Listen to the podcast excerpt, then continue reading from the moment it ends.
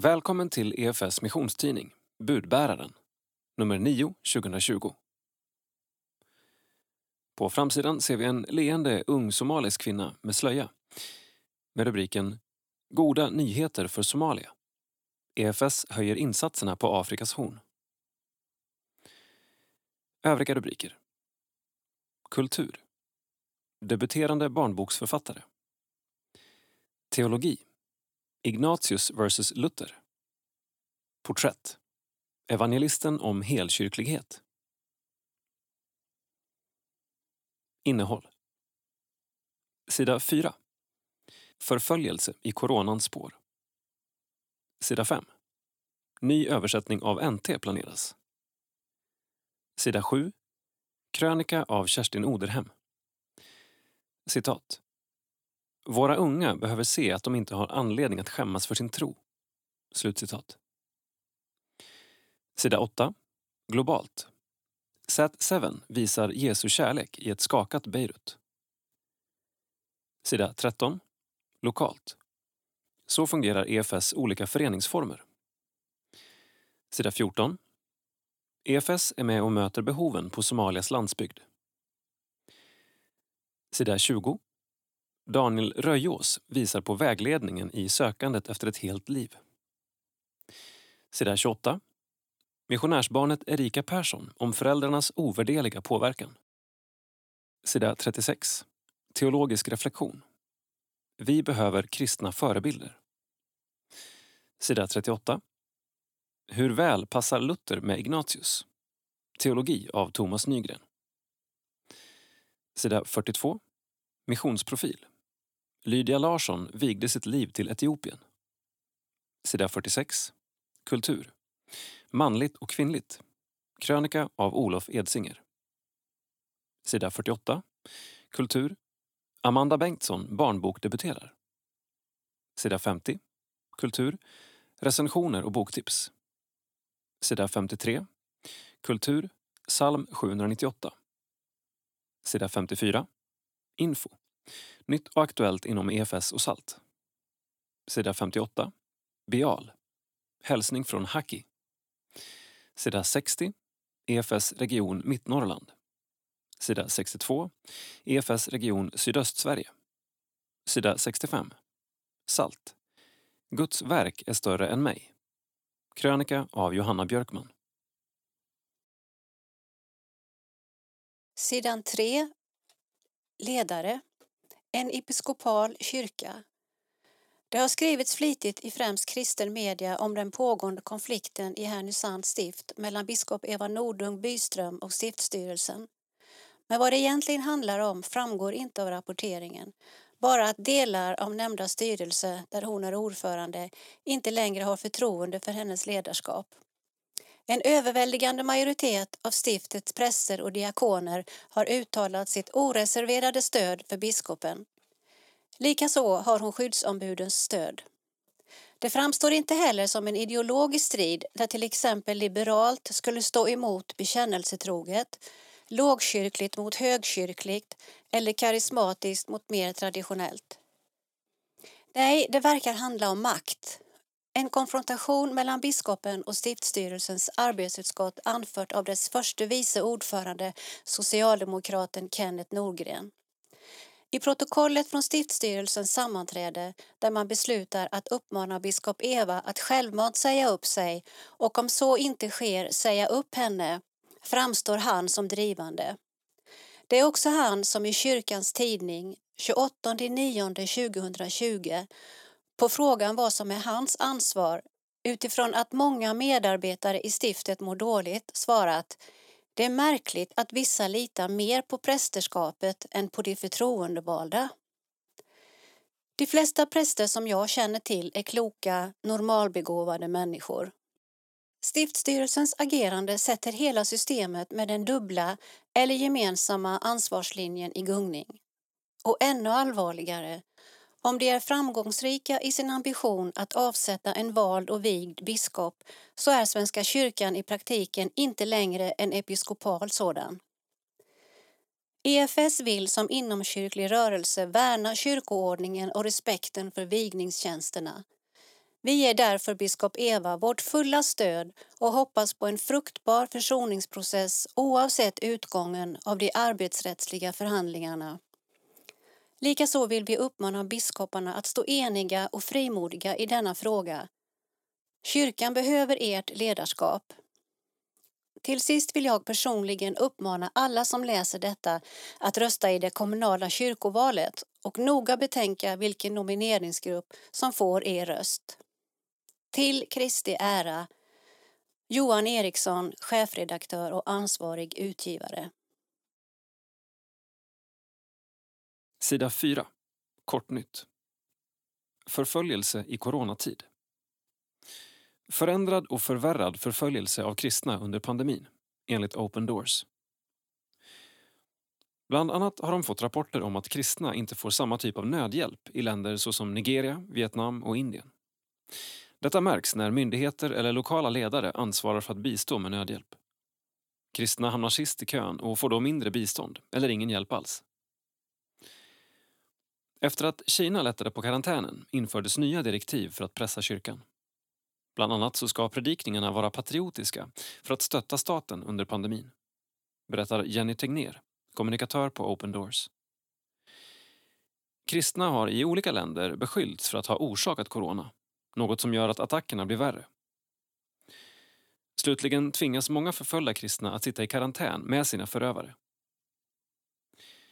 Tyvärr kan familjen vara de som förföljer kristna, säger Tegnér. Citat. Jag har längtat hem till kyrkan och det ska bli spännande att gå in i Ekumeniakyrkan som jag var med och visionerade fram. Det är med stor glädje jag kliver in i det uppdraget. Slutcitat.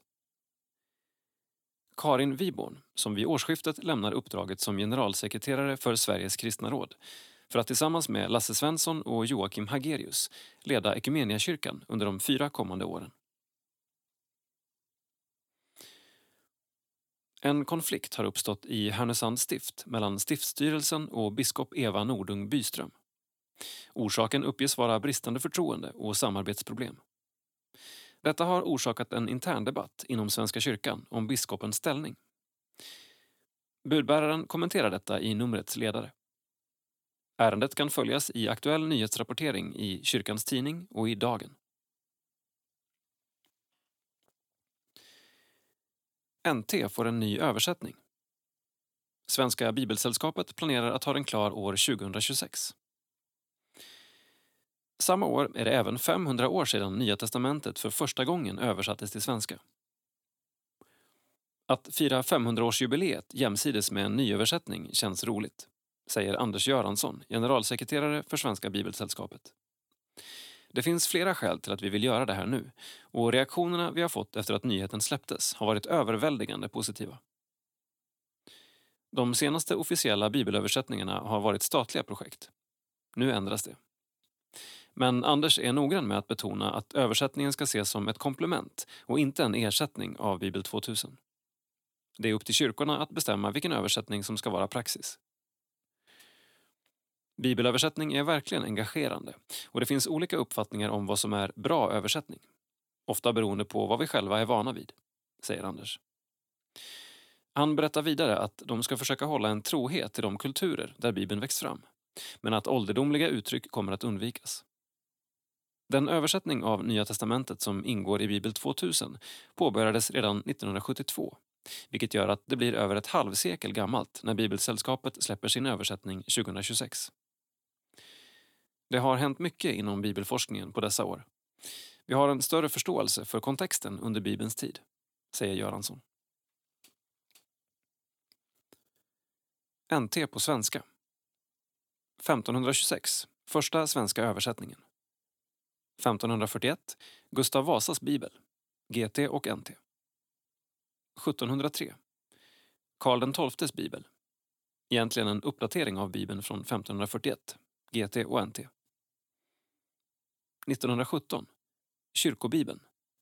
GT och NT 1981 NT ingår i Bibel 2000 1999 Bibel 2000 GT och NT sidan 7, krönika. Våra barn och ungdomar behöver se att de inte har anledning att skämmas för sin tro, skriver Kerstin Oderhem. Låt oss synliggöra vår tro. Det händer ibland när jag går med prästskjorta på mig på en restaurang eller i en affär att jag blir uttittad. Det är nog ingen mening i att spekulera varför människor tittar, men när jag står där i min krage så är jag ett synligt tecken på att kristen tro inte är något vi gömmer hemma. Under våren och hösten har det kommit artiklar och debattartiklar i media om barn som mobbas för sin kristna tro. Nyligen läste jag en debattartikel i tidningen Dagen av en lärarstudent på Göteborgs universitet. Han beskriver hur universitetslektorn undervisar sina subjektiva åsikter som sanningar och förpassar kristen tro till något opolitligt och som om inte det räckte förminskades den student som hade modet att räcka upp handen på frågan om någon var kristen. Hur har det blivit så här? Trots allt är det många i Sverige som bekänner sig till kristen tro. Det är många som går i gudstjänst och som tillhör någon kyrka. Ändå är det som om vi osynliggörs eller gör oss osynliga i det offentliga rummet. Hur kan vi ens stå ut med tanken på att våra barn mobbas för sin kristna tro när vi lever i ett land som har religionsfrihet? Hur kan skolledningar acceptera att det finns lärare som pekar ut och förminskar troende barn? Jag tror att vi som är vuxna behöver agera på en mängd olika sätt. Det handlar om allt från att driva opinion till att själva våga berätta på våra arbetsplatser att vi går i kyrkan och att vi har en tro på Gud. Vi behöver synliggöra att vi inte har anledning att skämmas eller blygas över vår tro och vi behöver samtala med våra barn om vad som händer på deras skola och stå med dem om det är en svår tid. Våra barn och ungdomar behöver se att de inte har anledning att skämmas för sin tro och att mamma och pappa inte skäms för sin. Barn och ungdomar behöver se att det är många som delar deras tro och därför behöver vi barn och ungdomsgrupper, lägerverksamhet och ungdomskonferenser. Under de senaste åren har det varit svårt för SALT att rekrytera ledare till sina läger och jag ser att det även på lokal nivå är tufft att hitta ledare till olika grupper. Jag tänker att barnen och ungdomarna är vårt gemensamma ansvar. Som församlingar och missionsföreningar skulle vi behöva lyfta frågan över hela landet och för olika åldersgrupper med inriktningen Vad kan vi göra? Ett av EFS prioriterade fokusområden handlar om att nå nya generationer med evangeliet. I det området finns det invävt att nå unga generationer.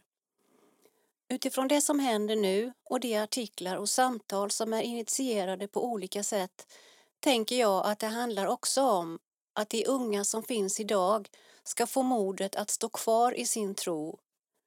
Att de ska se att de inte lämnas ensamma i en svår tid. Att vi, Kristi kropp, står tillsammans och att vi hittar vägar att synliggöra tro. Vi behöver prata om vad vi kan göra nu för våra barn och ungdomar. Jag frågar mig själv, vad kan jag göra? Och jag frågar dig, vad kan du göra? Hur kan vi stå upp för barn och ungdomars rätt till tro? Kerstin Oderhem, missionsföreståndare EFS. Sida 8. Globalt. Sat7 vill vara ett ljus i mörkret. Explosionen i Libanons huvudstad Beirut har lagt hela stadsdelar i ruiner. Katastrofen kan leda till ytterligare exodus av kristna från Libanon. Text och bild Bengt Sigvardsson.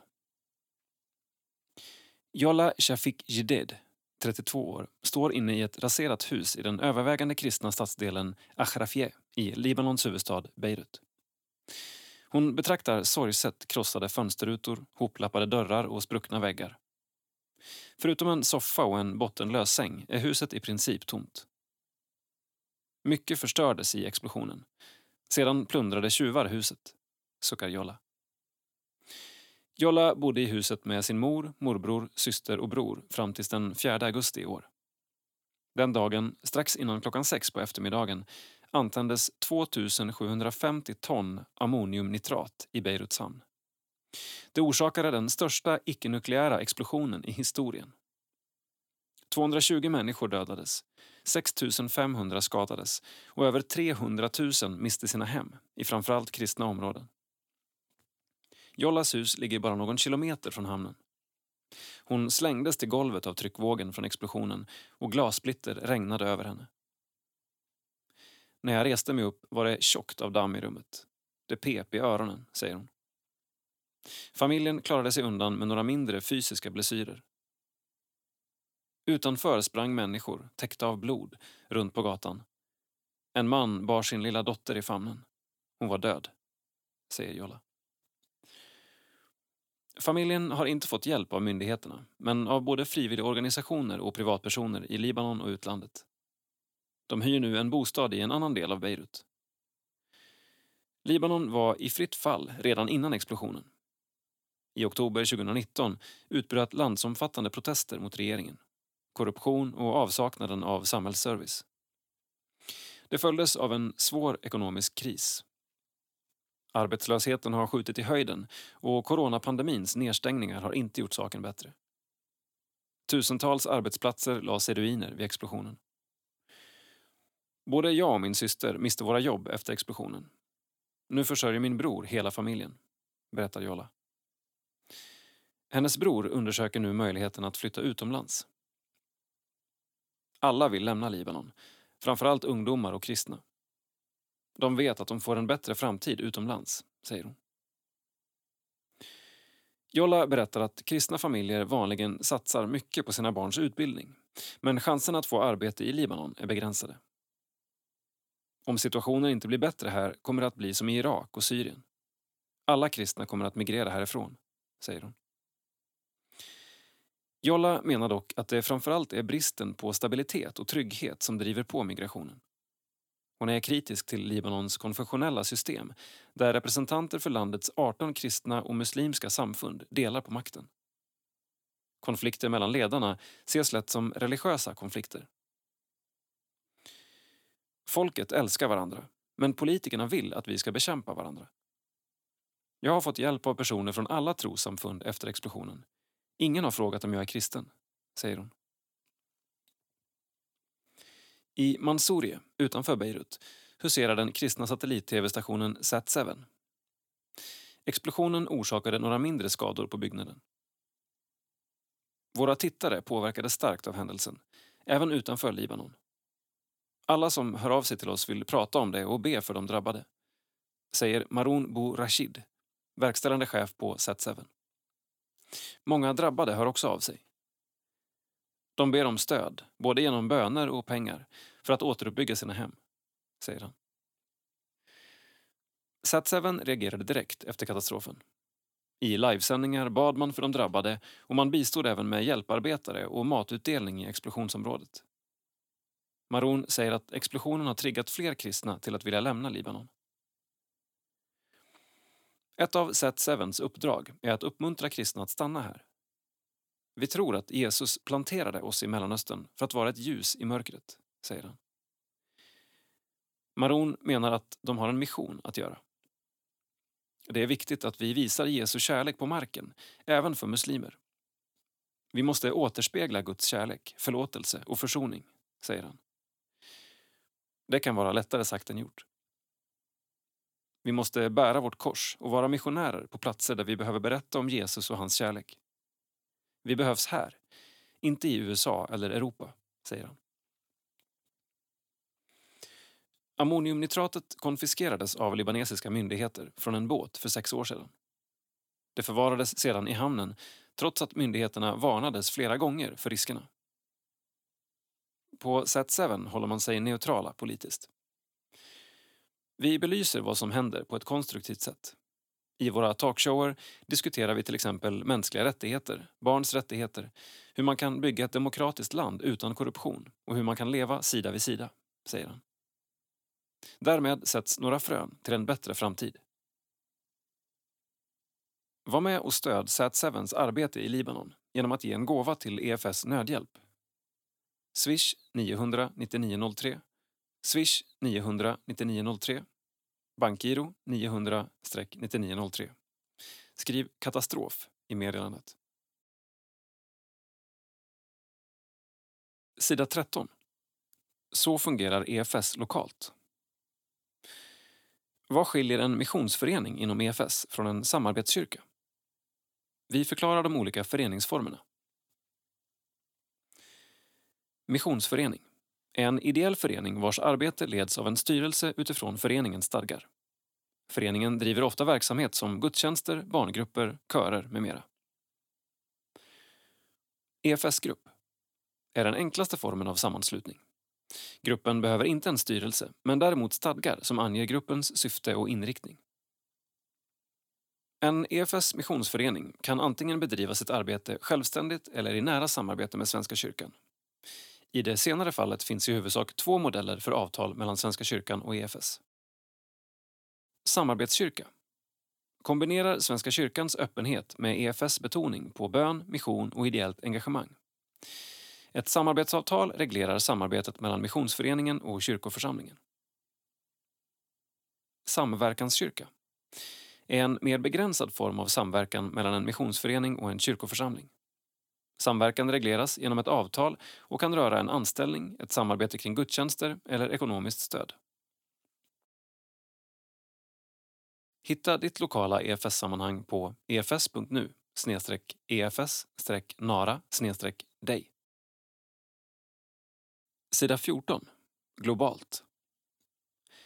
Den humanitära organisationen Varsan förändrar människors liv i de somaliska byarna Bali Matan och Bali Issa.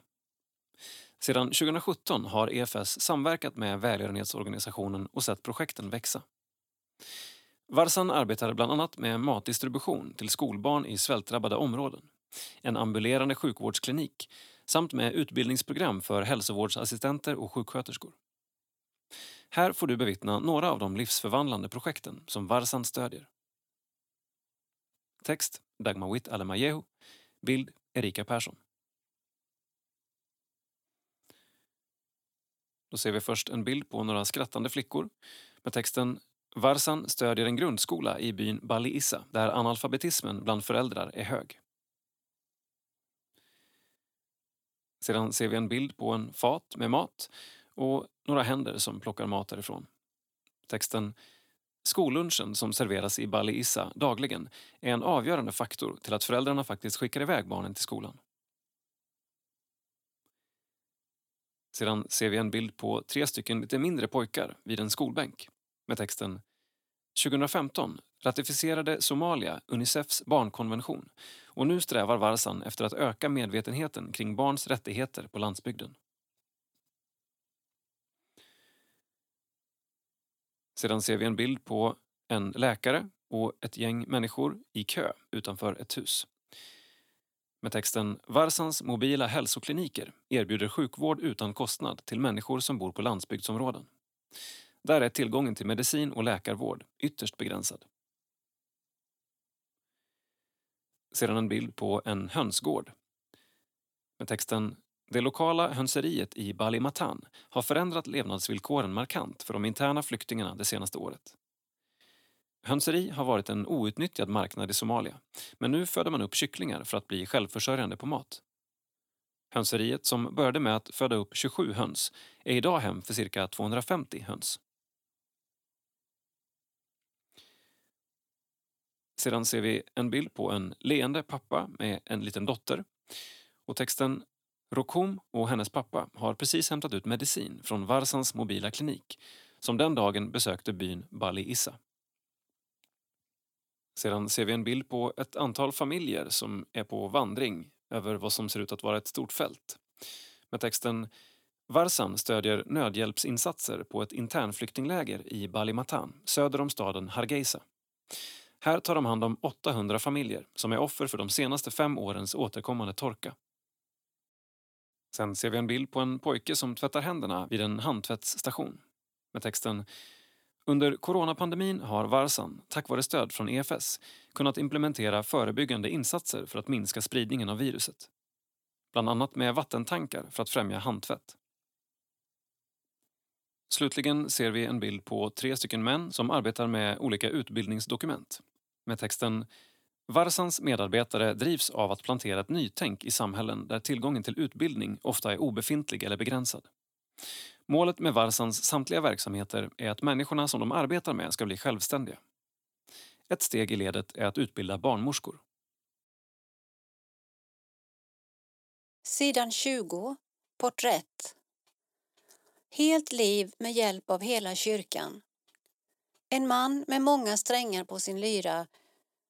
Daniel Röjås är riksevangelist, författare och pastor inom både Ekumeniakyrkan och pingströrelsen. Vi möter honom för att tala om sökandet efter vägen till ett hållbart kristet liv. Text Magnus Persson, bild Erika Persson. Det är en levnadsglad förkunnare och ordkonstnär som sitter mitt emot mig. Man hör snabbt att han är van att prata och dela sin berättelse med sinne för detaljer. Det låter inte inövat men oerhört genomtänkt och bottnar i livets erfarenheter. När jag går på Ikea så behöver jag hålla i kundvagnen för att orka igenom varuhusets snirkliga vandring. Så är det även med livet. Det finns vägledning och andliga ledstänger i Bibelns undervisning och den kristna traditionen som vi kan luta oss mot. Goda vanor att hålla oss i som kan hjälpa oss i sökandet efter ett helt liv. Så sammanfattar Daniel delvis sitt ärende, tankar som han formulerat i boken Helt liv. Till vardags är han både ekumeniapastor i Boxholm och pingstpastor i Mjölby men framförallt en evangelist fostrad i Missionsförbundets riksevangelisttradition av typ och snitt som vi har alldeles för få kvar av idag. Daniel växte upp i Östergötland med drömmar om att bli både rockstjärna och fotbollsproffs. Musikaliteten har följt honom genom hela livet och präglat mycket av vem han är och vad han gör. Under en tältmötesserie i hemförsamlingen i mitten på 80-talet började en annan dröm, en kallelse att växa fram i de tidiga tonåren. Jag och mina kompisar cyklade runt tältet i väntan på att kvällsmötet skulle börja. Något drog oss dit. Det var Missionsförbundets riksevangelister Karl-Olof Hultby och den då unge och fjunige Niklas Piensoho som var på besök.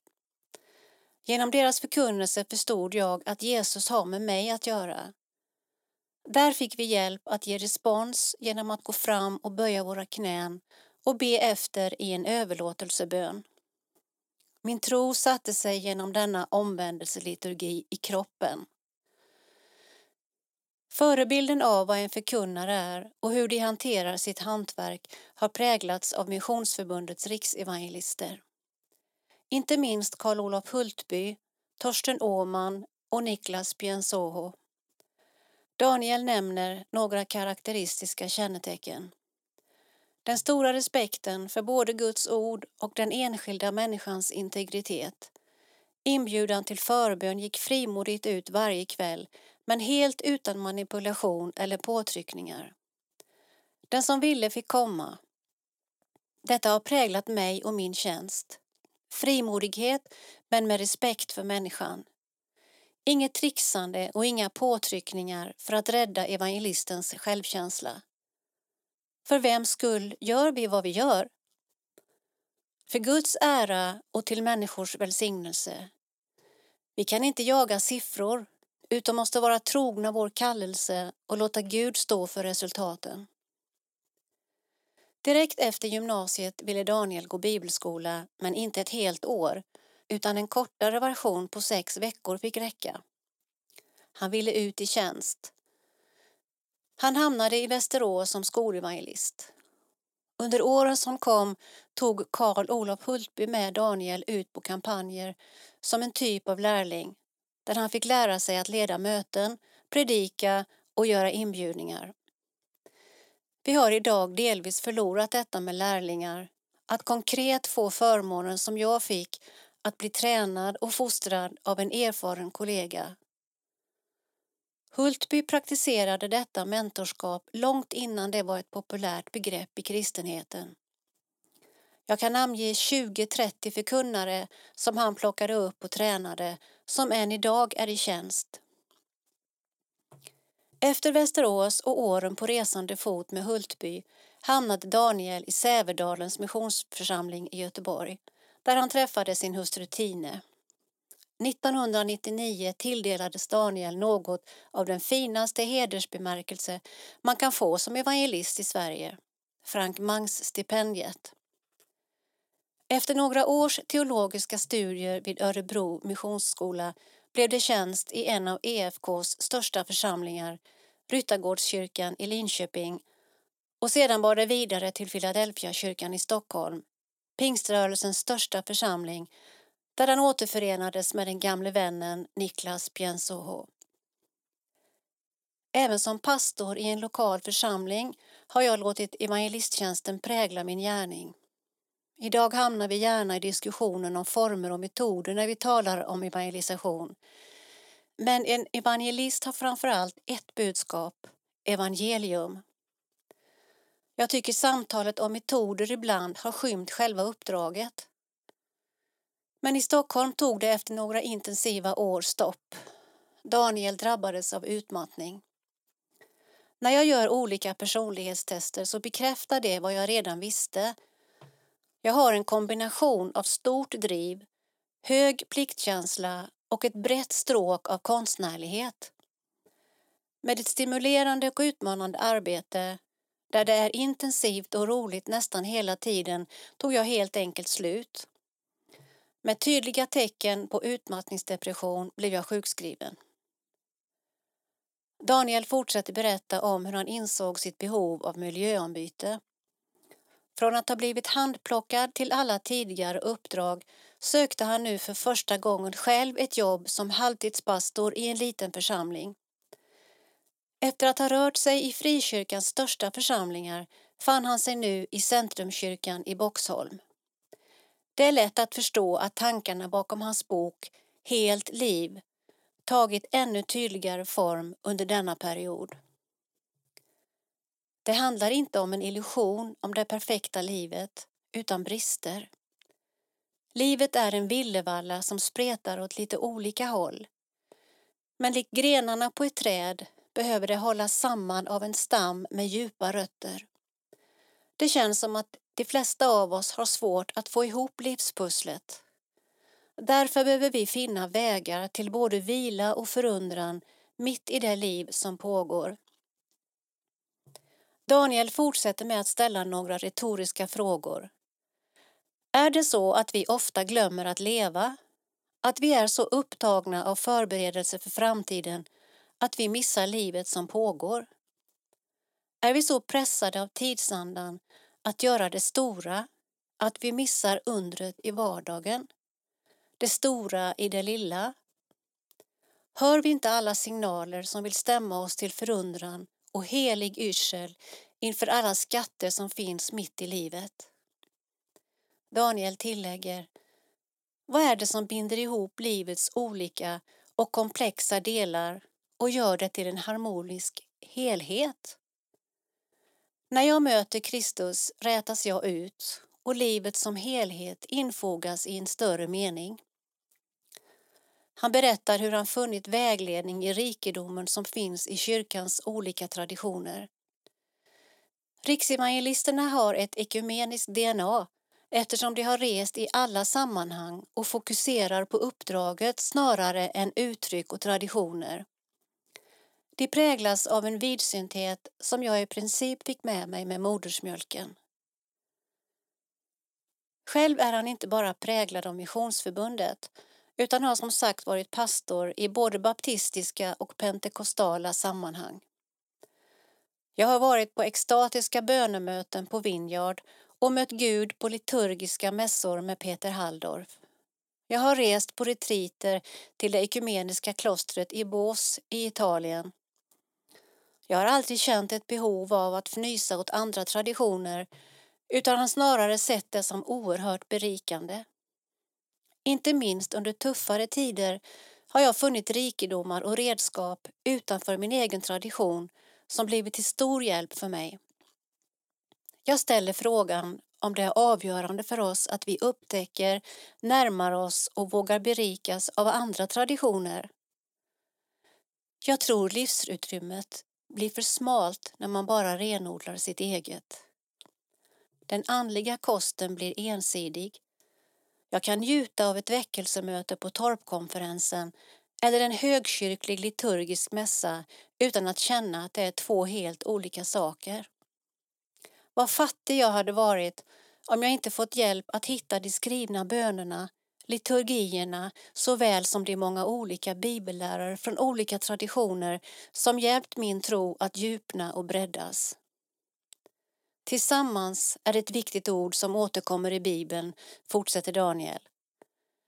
Paulus ber i sin förbön för Efesierna att de tillsammans med alla de heliga förmår fatta bredden och längden och höjden och djupet och lära känna Kristi kärlek som är väldigare än all kunskap tills hela Guds fullhet uppfyller er. Efesierbrevet 3, 18-19 Daniel ger ett exempel och berättar om hur han för första gången stiftade bekantskap med tidebön på en retreat för 20 år sedan. När man talar med människor som integrerar tidebönerna i sitt böneliv är beskrivningen slitstarkt ett återkommande skäl. Alla som kämpat med att få till ett regelbundet böneliv vet hur distraktionerna står på kö. För mig personligen har det blivit en stor tillgång att få vila i böner formulerade av andra. Det stimulerar även mina fritt formulerade böner som leder till ett välsignat växelbruk. Inte antingen eller, utan både och. En bok som Daniel nämner som tidigt betytt mycket för honom är Richard Fosters Strömmar av levande vatten. Den beskriver de olika traditionerna, evangelikala, diakonala, kontemplativa, karismatiska, sakramentala och så vidare som olika strömmar som Gud håller på att leda samman till en enda stor flod. Vi behöver dem alla just för att varje tradition betonar olika aspekter av tron och livet, vilket skapar förutsättningar för ett helt liv. Därför gillar jag uttrycket helkyrklighet och har känt mig befryndad av det. Allt tillhör oss. Jag har själv tänkt så långt innan jag hörde begreppet. Milstolpar 1991 till 1993 engagerar sig som skolevangelist i Västerås. 1993 till 1994 reser som evangelist tillsammans med Karl Olof Hultby, riksevangelist i Ekumeniakyrkan.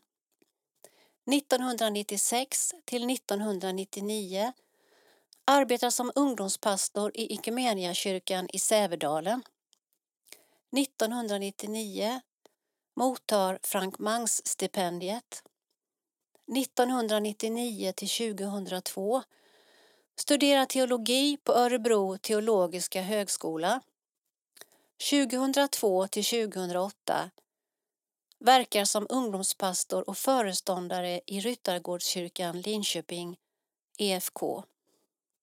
2008 till 2014 föreståndare i Tyresö pingst och sydöstra regionen av Philadelphia, Stockholm.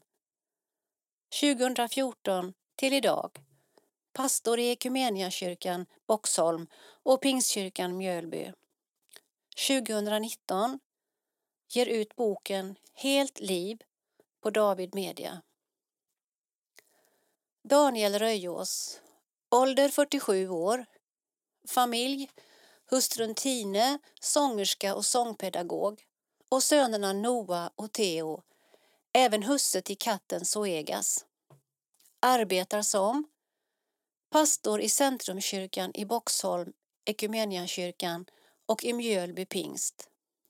Intresserad av musik, allt ifrån Mark Knopfler och Eric Clapton till Robert Plant och Rosanne Cash och njuter av livekonserter. Just nu på live-dvd och kafébesök. Brinner för förkunnelse och att kommunicera evangeliet så att det når fram och berör. Sidan 28. Tema relationer. Fotograf med mission i fokus. Till vardags är hon ett självutnämnt professionellt tredje hjul. I folkmun en bröllopsfotograf och på heltid en radikal Jesu lärjunge.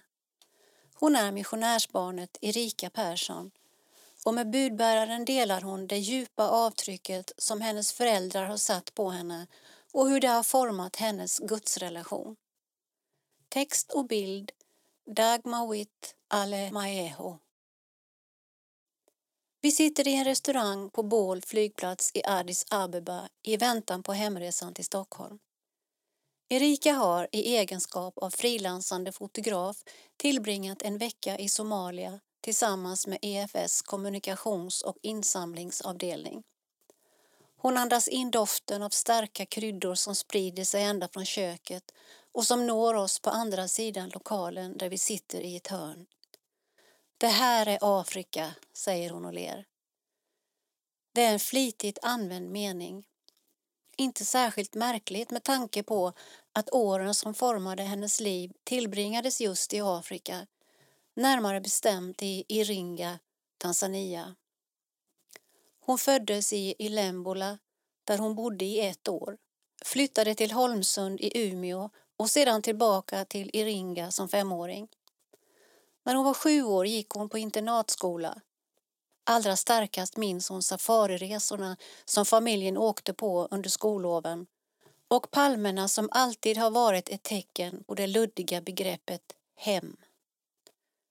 Utifrån ett estetiskt perspektiv, som fotograf och som kristen, är Tanzania något av det vackraste jag någonsin har sett av Guds skapelse. Hon hejdar sig själv under sin beskrivning av Tanzania och funderar över om hon kanske har haft en romantiserad bild av sina två år i landet. Barndomsbilderna avslöjar hennes blyga jag, alltid gömd bakom pappa eller mamma. Jag ber henne berätta om sina föräldrar Rune och Anna-Karin Persson som var EFS-missionärer i Tanzania i sammanlagt 15 år. Om jag pratar om mina föräldrar kommer jag förmodligen bara att gråta, varnar hon. Mycket riktigt. Tårarna rinner hejlöst medan hon ger en kärleksförklaring till sina hjältar i livet. Kärleken känns ända in i magen. Ibland är den till och med smärtsam, förklarar hon när hon har hämtat andan. Mina föräldrar har varit en av Guds vägar att nå till mig. De har visat mig en konstant kärlek och jag har inte förtjänat deras konstanta nåd och förlåtelse. Här ser vi en bild på Erika Persson som barn där hon står framför pappa Rune Persson tillsammans med resterande familj i Tanzania. Erika har precis avslutat ett Facetime-samtal med pappa Rune. Han har fått följa varje höjdpunkt på avstånd under resan i Somalia. Den platsen har inte alltid varit given i hans dotters liv. Det är ett utrymme som var gränslöst under barndomen men som hon bröt ner under tonåren och sedan har fått upprättas under de senaste tio åren. År 1996 flyttade familjen tillbaka till Sverige och Erika började i skolan. Tonåren kantades av ett trotsbeteende, identitetskris och en period av revolt. Hon skämdes över att vara prästbarn och över att hon själv var kristen. Behovet av att passa in som missionärsbarn i sekulära Sverige skapade en inre kamp. Jag tror att det var en sorg för mina föräldrar att se hur jag betedde mig. Ändå slutade de aldrig att älska mig, trots mina beteenden och trots att jag tog avstånd från dem. När orden inte nådde fram minns hon ändå att de bad för henne. En dag när hon gick i tvåan på gymnasiet skulle ropet till Gud bära frukt. Hon stod utanför sitt klassrum med sina tjejkompisar som undrade om hon bar på ett kors runt halsen för att hon var kristen. Nej, varför tror ni det? fick de som svar. I samma stund kände jag hur en sten sjönk i mitt bröst. Jag förnekade min tro och enligt mig var det det värsta jag kunde göra just då.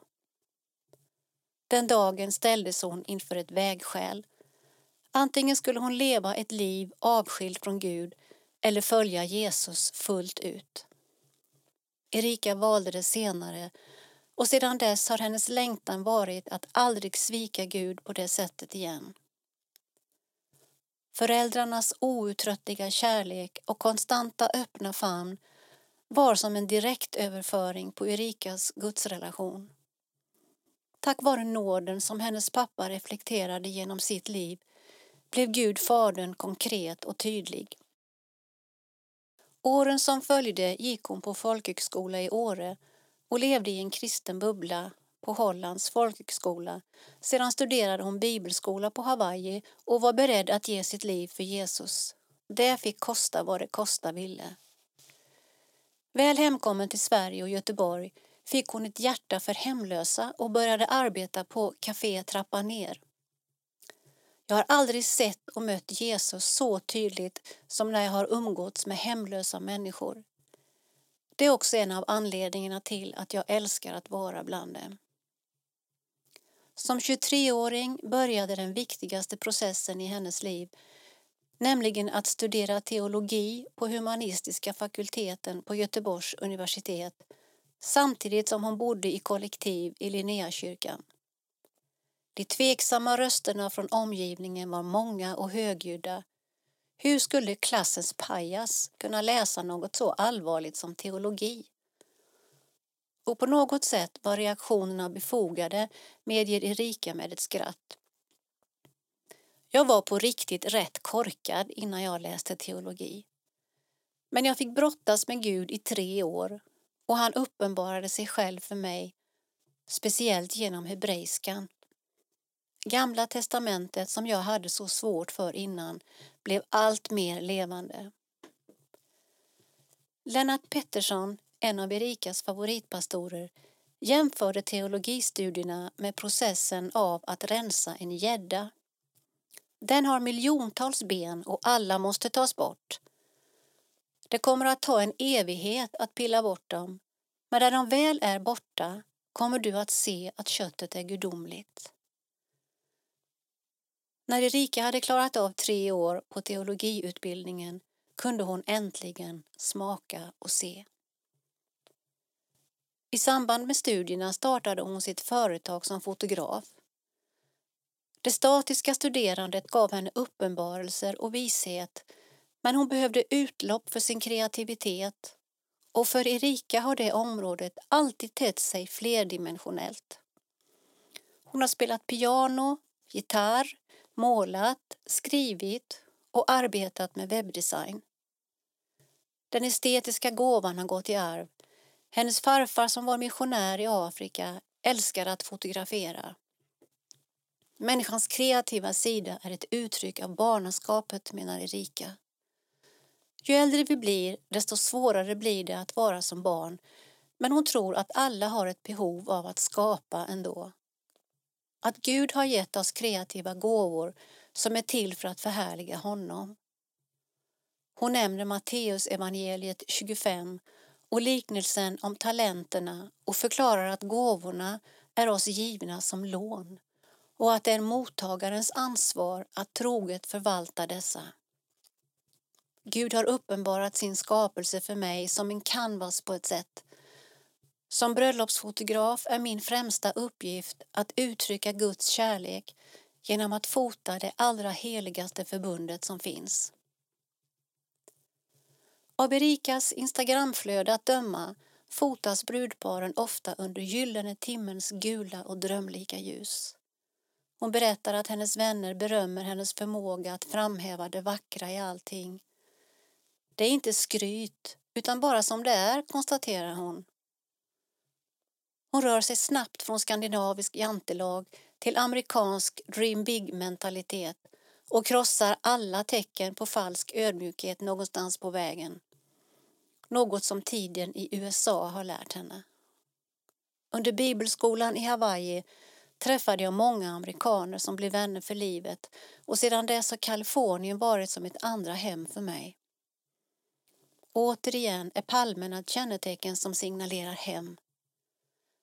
Tack vare hennes självsäkra och målmedvetna amerikanska vänner är hon inte rädd för att visualisera och spränga alla mänskliga begränsningar och barriärer. Jag har alltid velat göra stora saker för Gud och drömmer alltid om det omöjliga. Tiden i Kalifornien har även lärt henne att ha himlen framför ögonen. Ett resultat av att ha erfarit sina allra bästa men också värsta stunder i livet. Jag har gått igenom mycket smärta, både psykiskt och fysiskt. Det har bottnat i allt ifrån hjärtekross till att tampas med livets stora och små frågor. Jag har sett människor vara fastkedjade av Satan och på gränsen till att inte klara av det här livet. Det är en bild av döden och jag har fått se den på nära håll. Därför är evighetsperspektivet också nära Erika och himlen något som hon ofta mediterar på. Som kristen måste man alltid ha målet i sikte, nämligen Jesus Kristus själv, säger hon. Det är vår viktigaste kallelse som lärjungar. När jag var 18 år tyckte jag att det var radikalt att skickas ut till Iran och dela ut biblar. När jag omvände mig under gymnasietiden var det radikalt att sälja allt jag hade och bara leva simplistiskt. Idag, tio år senare, tycker jag det är lika radikalt när jag säger att jag läser Bibeln och böjer mig under den och alla dess sanningar. Erika Persson Ålder 32 år Familj Singel Sysselsättning Fotograf Bor Göteborg Hobby Människor Samtal Att träna och äventyr Drömmer om att se människor ta emot Jesus på riktigt inte bara på ytan utan också på djupet. Att de ska förvandlas av Jesu kärlek. Erika Persson är fotograf och upplever att hennes främsta syfte i livet är att uttrycka Guds kärlek genom sitt yrke. Här ser vi en bild där hon och lille pojken Mohammed hittat varandra under en promenad i Hargeisa, Somalia.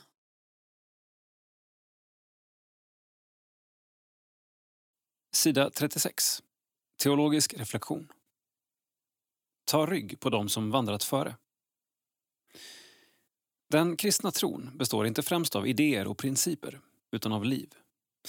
Därför behöver vi personer som vi kan följa och som hjälper oss att följa Jesus närmre.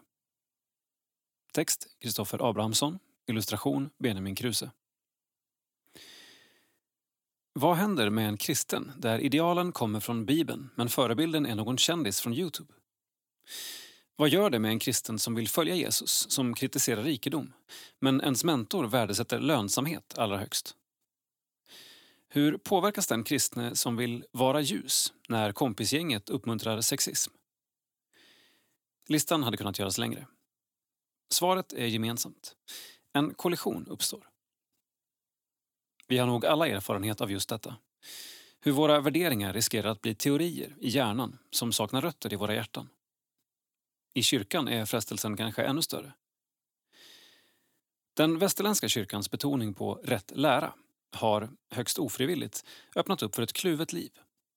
Med min mun kan jag bekänna att Jesus är Herre samtidigt som jag vittnar om något annat med mitt liv. När kollisionen mellan mina värderingar och mitt liv uppstår lär oss aposteln Jakob att det är livet som har sista ordet. Om vi säger ett men gör ett annat är det vårt liv som visar vad vi faktiskt tror på. Därför kan vi behöva upptäcka män och kvinnor från kyrkans historia som gått före oss och som kan hjälpa oss att finna de stigar som kan vara svåra att upptäcka. De vars liv talar starkare än sina ord. Som poeten Gunnel Wallqvist skriver i Helgonens svar, sida 190. Mitt i den labyrint av mänsklig ofullkomlighet som kyrkans historia är kan man urskilja den utstakade vägen, ibland igenvuxen, skenbart försvunnen, men så åter tydlig och klar. Den som helgonen utstakade, eller rättare sagt den som Gud utstakade genom helgonen, därför att de var de som lyssnade lät Gud tala, som inte hade någon annans vilja än hans. Wallqvist sätter fingret på något viktigt. Helgonen är våra förebilder. Inte utifrån sina prestationer, men utifrån sin öppenhet inför Gud. De lyssnade, lät Gud tala och hade ingen annans vilja än Guds. Helgonen har kännetecknats just av att de på något sätt förkroppsligar något av vem Gud är och hur de hjälpt människor att få upp ögonen för vem Jesus är. Paulus talar på ett nästan provocerande sätt om att de tidiga kristna ska följa honom, så som han följer Kristus. Hebreerbrevets författare räknar upp ett antal troshjältar och lägger sedan till att tiden inte räcker för att ta upp så många fler. Hela Bibeln kryllar av personer som på olika sätt kan hjälpa oss att upptäcka Gud. Alla dessa personer, livsöden och exempel är en ständig påminnelse om att den kristna tron inte främst består av abstrakta teorier utan av människor som vittnar om Guds godhet och besynnerliga förmåga att leda oss rätt, fast vi vandrar fel.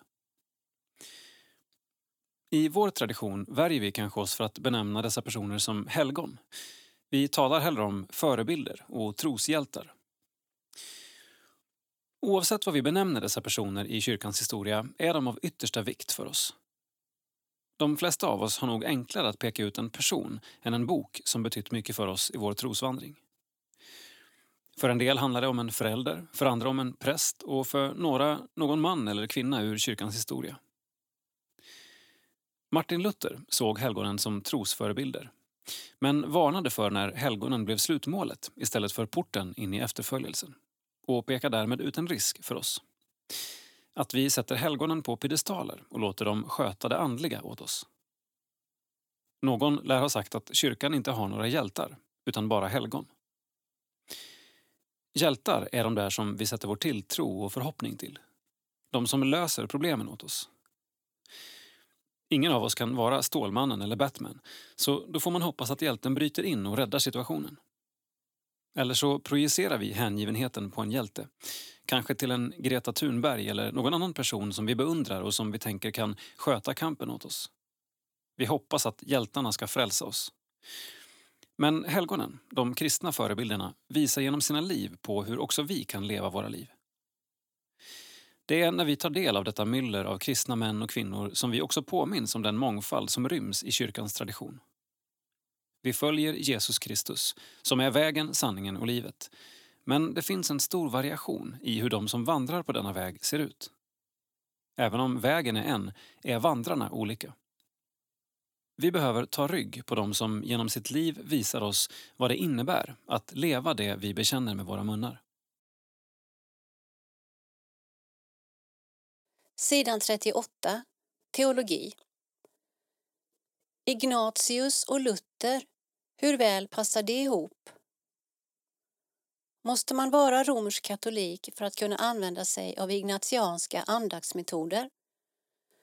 Thomas Nygren diskuterar gränssnittet mellan olika typer av andliga vägledningstraditioner och tekniker.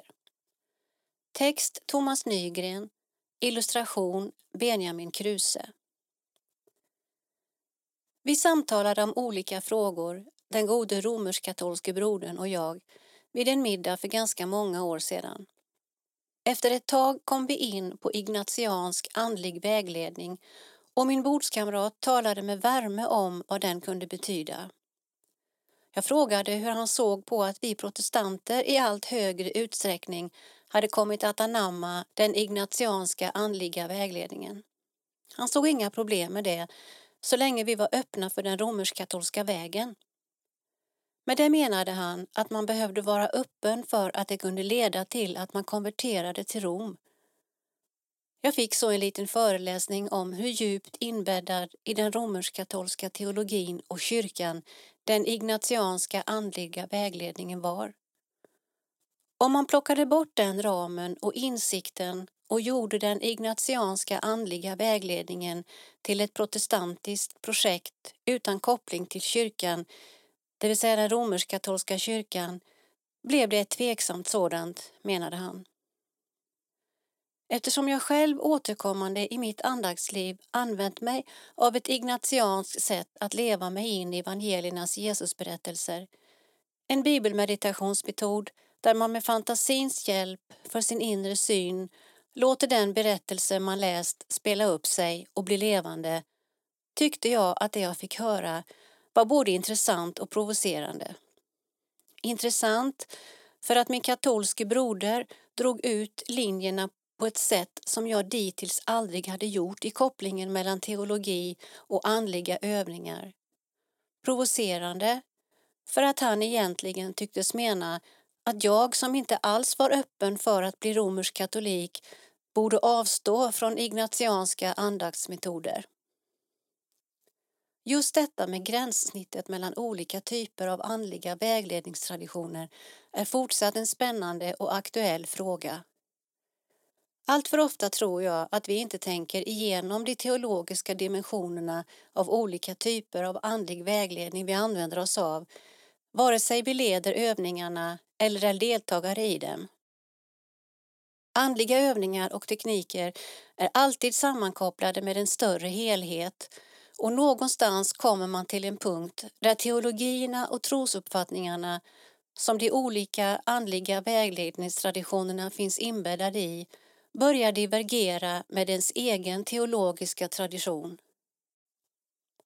Går jag som kristen in i andliga övningar blir de ofelbart viktiga påverkansfaktorer för min kristna tros utformning. Där tror jag att min romersk-katolske bordskamrat hade en viktig poäng. Den lutherska prästen, själavårdaren och andlige vägledaren Fredrik Brochet kom för något år sedan ut med ett intressant litet häfte med titeln Ignatiansk och luthersk andlig vägledning, likhet och olikhet, församlingsfakultetens småskriftsserie, där han gör motsvarande spaning ur ett lutherskt perspektiv. En intressant sak med Brochet är att han själv med en djup förankring i luthersk teologi och andlig vägledning under många år även tagit del av andlig vägledning i ignatiansk form och gått dess utbildning för andliga vägledare. Vi får därför en initierad ciceron som är väl förtrogen med båda sätten att möta och vägleda människor. Vilka likheter och skillnader hittar då Brochet i sin jämförelse mellan ignatiansk och luthersk då främst utifrån nådens ordning, andlig vägledning. Om vi börjar med likheterna finner han åtskilliga sådana. Han lyfter fram likheter i hur Guds kallelse in i Guds rike för en människa beskrivs, hur Gud kan verka genom en människas längtan. Även det faktum att båda traditionerna arbetar med en utpräglat bibelcentrerad vägledning är en gemensam nämnare. Uttryckt med andra ord menar både Ignatius och Luther att kristen tro alltid börjar med nådemedlen, ordet och sakramenten. Människan som Guds avbild är kallad att leva i hans ordningar och som hans medarbetare är andra gemensamma teman vi enligt Brochet möter. Båda traditionerna menar även att man kan se Gud i allt man möter. Det finns alltså många gemensamma ansatser och tankar att ta vara på. Brochet märkte så småningom i den ignatianska andliga vägledningen han själv fick att det fanns saker som inte var lika förenliga. Han beskriver hur han kunde lägga av med onda handlingar och ord medan olika avundsjuka, äregiriga, aggressiva och sexuella tankar fortsatt att komma. Detta störde honom och han gick med frågan vad ska jag göra med mina onda tankar till sin andlige vägledare? Svaret han fick var att de onda tankarna inte var synd så länge han inte samtyckte till dem eller stannade kvar i dem. Svaret var för Brochet både förvånande, han uppfattade sina tankar som något hade med synd att göra och otillfredsställande då råden för hanteringen inte blev befriande utan pekade mot hans egna begränsade resurser. De skulle hanteras genom att först och främst avvisa de onda tankarna. Jag vill inte tänka så. Då var det inget problem och skulle inte bli till någon synd. För det andra skulle de hanteras genom att byta ut de onda tankarna mot goda gärningar och tankar, vilket skulle ge ett annat fokus. Det skulle på detta sätt förträngas. Men de onda tankarna försvann inte, trots dessa goda råd.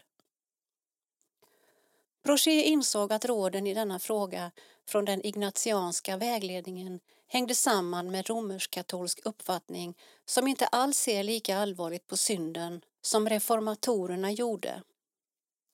Arvsynden medför enligt Roms synsätt att det finns kvar anlag för ond begärelse hos den kristne.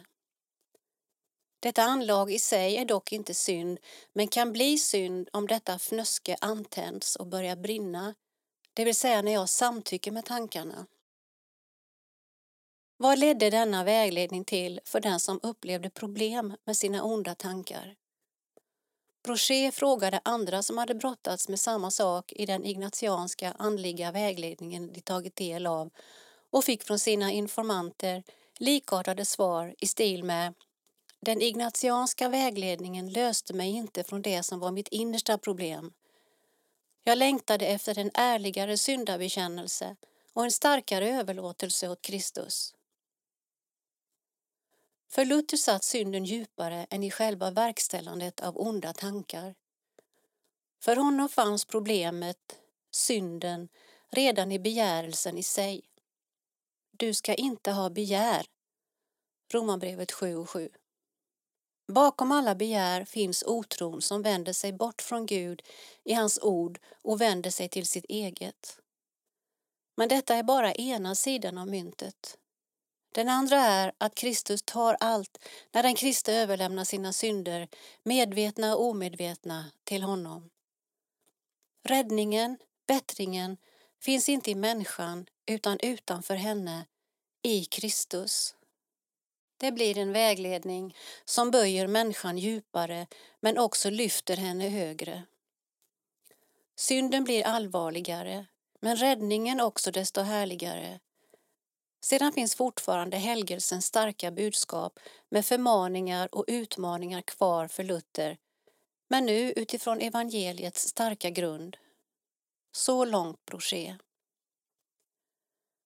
Tillbaka till min egen fråga tidigare. Kan jag fortsätta med ignatianskt inspirerande andliga övningar? Eller för att spetsa till frågan, kan jag som protestant delta i ignatianska retriter? Mitt svar på frågan är ja, särskilt om jag är medveten om var saker börjar skilja sig åt. Läromässig medvetenhet hjälper mig att se vad jag kan ta vara på utan problem och vad jag behöver fundera igenom i det jag möter. Läromässig medvetenhet skapar en frihet att hämta gott från alla möjliga olika sammanhang och traditioner och låta det förstärka och befästa den tro jag lever i. Visst kan det även finnas skäl för oss var och en att låta vår tros innehåll förändras. Ingen av oss är ofelbar. Men det bör ske utifrån en allvarlig brottning med Guds ords summa och inte enbart utifrån att jag tar del av olika andliga praktiker som känns bra. Risken finns annars att jag i slutändan sitter med en tro som inte hänger ihop vare sig med Bibeln eller inom sig själv och det kommer inte att kännas bra.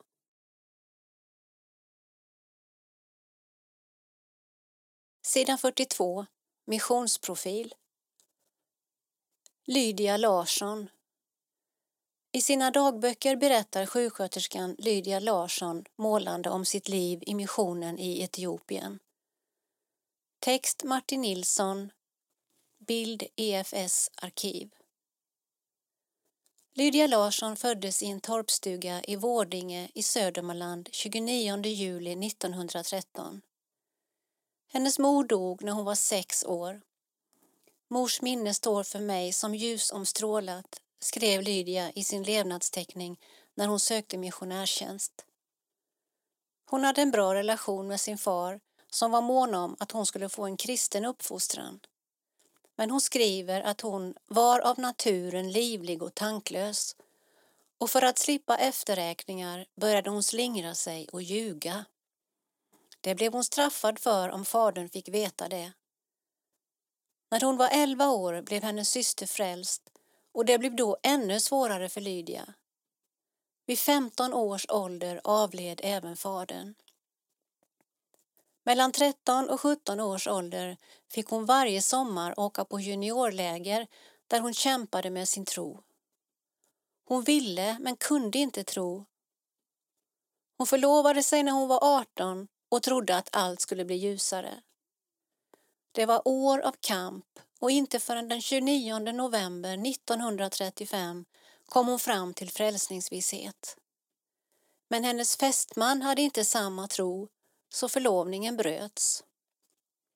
Nu följde en tid av fördjupning i tron. På Bibelinstitutet på Hagaberg gick hon flera kurser och under den tiden kom hon fram till att förbereda sig för sjuksköterskeutbildning. Efter kompletterande utbildning via Hermods gick hon 1939 till 1943 på sjuksköterskeskolan i Gävle. Hon hade tankar på att få åka till sjukhuset i Kurai i Indien och samtalade med den tidigare missionären Isabella Stolpe som var med och byggde upp sjukvårdsutbildningen i Eritrea. Jag fann i handlingarna ett brev daterat 52 1941 från Isabella Stolpe som då tjänstgjorde på EFS expedition. Där gav hon Lydia råd om vilken specialitet hon skulle satsa på om hon skulle ut som missionär. Antingen man ska stå ensam på en plats eller tillsammans med kamrater så är det viktigt att kunna göra mindre kirurgiska ingrepp. Som att sköta sår. Gives tillfälle att få praktisera att sy ihop sår är det bra. Giv akt på de olika sjukdomarnas symptom för att sedan på egen hand kunna känna igen dem. Det är en förtjänst att ha någon vana i ögonsjukvård. Öva i att lyssna på lungor. Lydia fick även en utbildning som barnmorska, något hon fick stor glädje av. Den 19 september 1946 skriver hon för första gången i Addis Abeba. Tredje dag jul reser hon med Rut Perman, Hilma Olsson, Gustav Arén och Manfred Lundgren till Nakamte. Redan på nyårsaftonen kommer polisen in med en knivskuren man och de får operera och Lydia får ge narkos. Det var ingen introduktionstid utan direkt in i tjänst. Den 26 februari 1948 börjar resan på åsneryggen in till Mendi. Efter två dagar är de framme. Där finns Elsa och Arne Hansson och deras son Lill-Arne. Nu har jag bott här i mitt lilla hus över en vecka och jag trivs här. Det är så skönt att äntligen ha en vrå dit jag kan gå och vara alena, alldeles ostörd. Där jag ej heller behöver störa någon. Att få bo under litet eget tak, det är ej var mans lott. Dagböckerna är fulla av skildringar över livet i Mendi. Alla vardagsberättelser har också en andlig del med bibelord och förtröstan över hur Gud ser de sina. I ett häfte med föredrag berättar Lydia om en resa ner till Shankala-folket som hon särskilt kom att ägna tid åt. Bilden av Lydia på åsnan spreds inom EFS. Äntligen, en vecka innan min efterträdare skulle anlända, fick jag sätta mig på mulan och rida bort från jäktet på stationen det var rätt många i sällskap. Evangelisten Dabba, läraren Baisa, deras tjänare och mina. Vi hade ridit över en slätt, över en flod och uppför en backe. Två kvinnor står på stigen och tittar åt vänster. Vi ser dit, på andra sidan en liten dalgång, en lång svart snok. Jag hade aldrig förr sett detta underliga djur, som de infödda berättade då. Mycket historier som Åh, en pytonorm! Och fart satte vi på de sävliga åsnorna. Lärarna och jag var först. Både han och evangelisten hade bössor med sig. Då ormen fick första skottet slank den in i sin jordkula. Dabba kom och sände en kula efter den. Ormen låg ganska still. Vi såg inte huvudet men vi såg att den hade ägg under sig. Sen vi fått ut ormen räknade jag till nio stora ägg.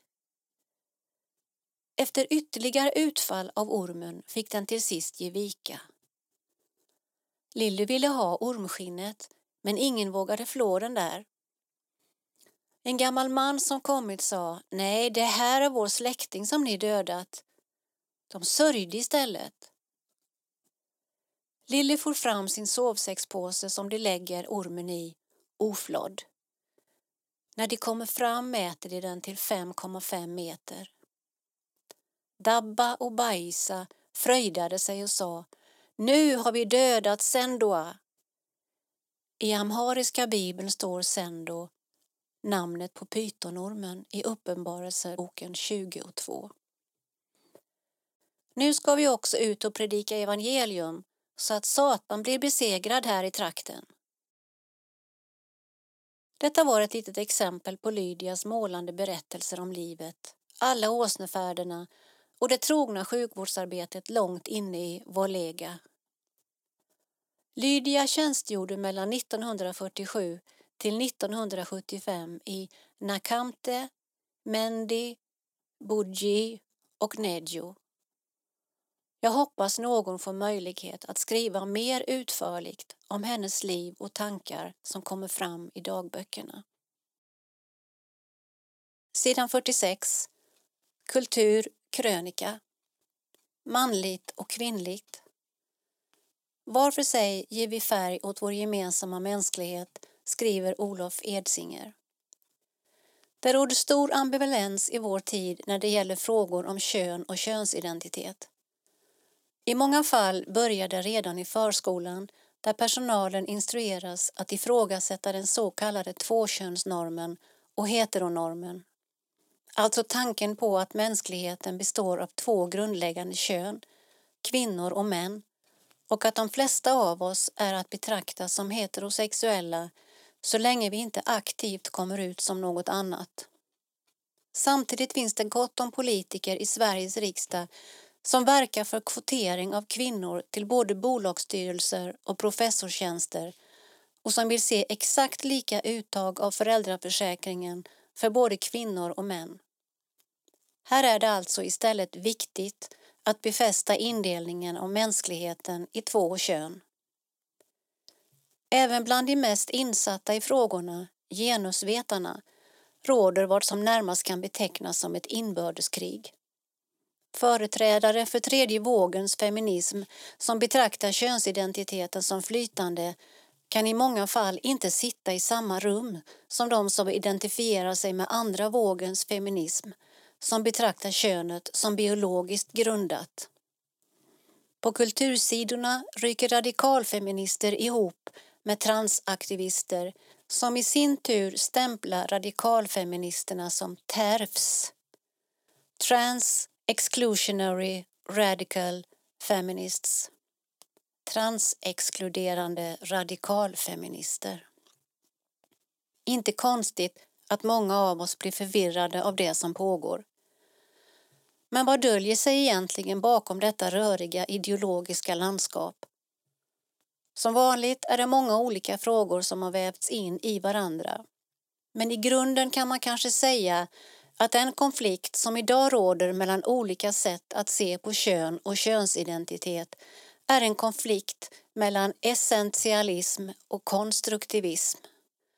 Alltså mellan det som betraktar könet som givet, som något som är och det som anser att det i allt väsentligt görs. Redan Simone de Beauvoir skrev i sin berömda bok Det andra könet 1949 att man föds inte till kvinna, man blir det. Ett av feministrörelsens viktigaste bidrag har därefter varit att identifiera samhällets påverkan på våra könsroller.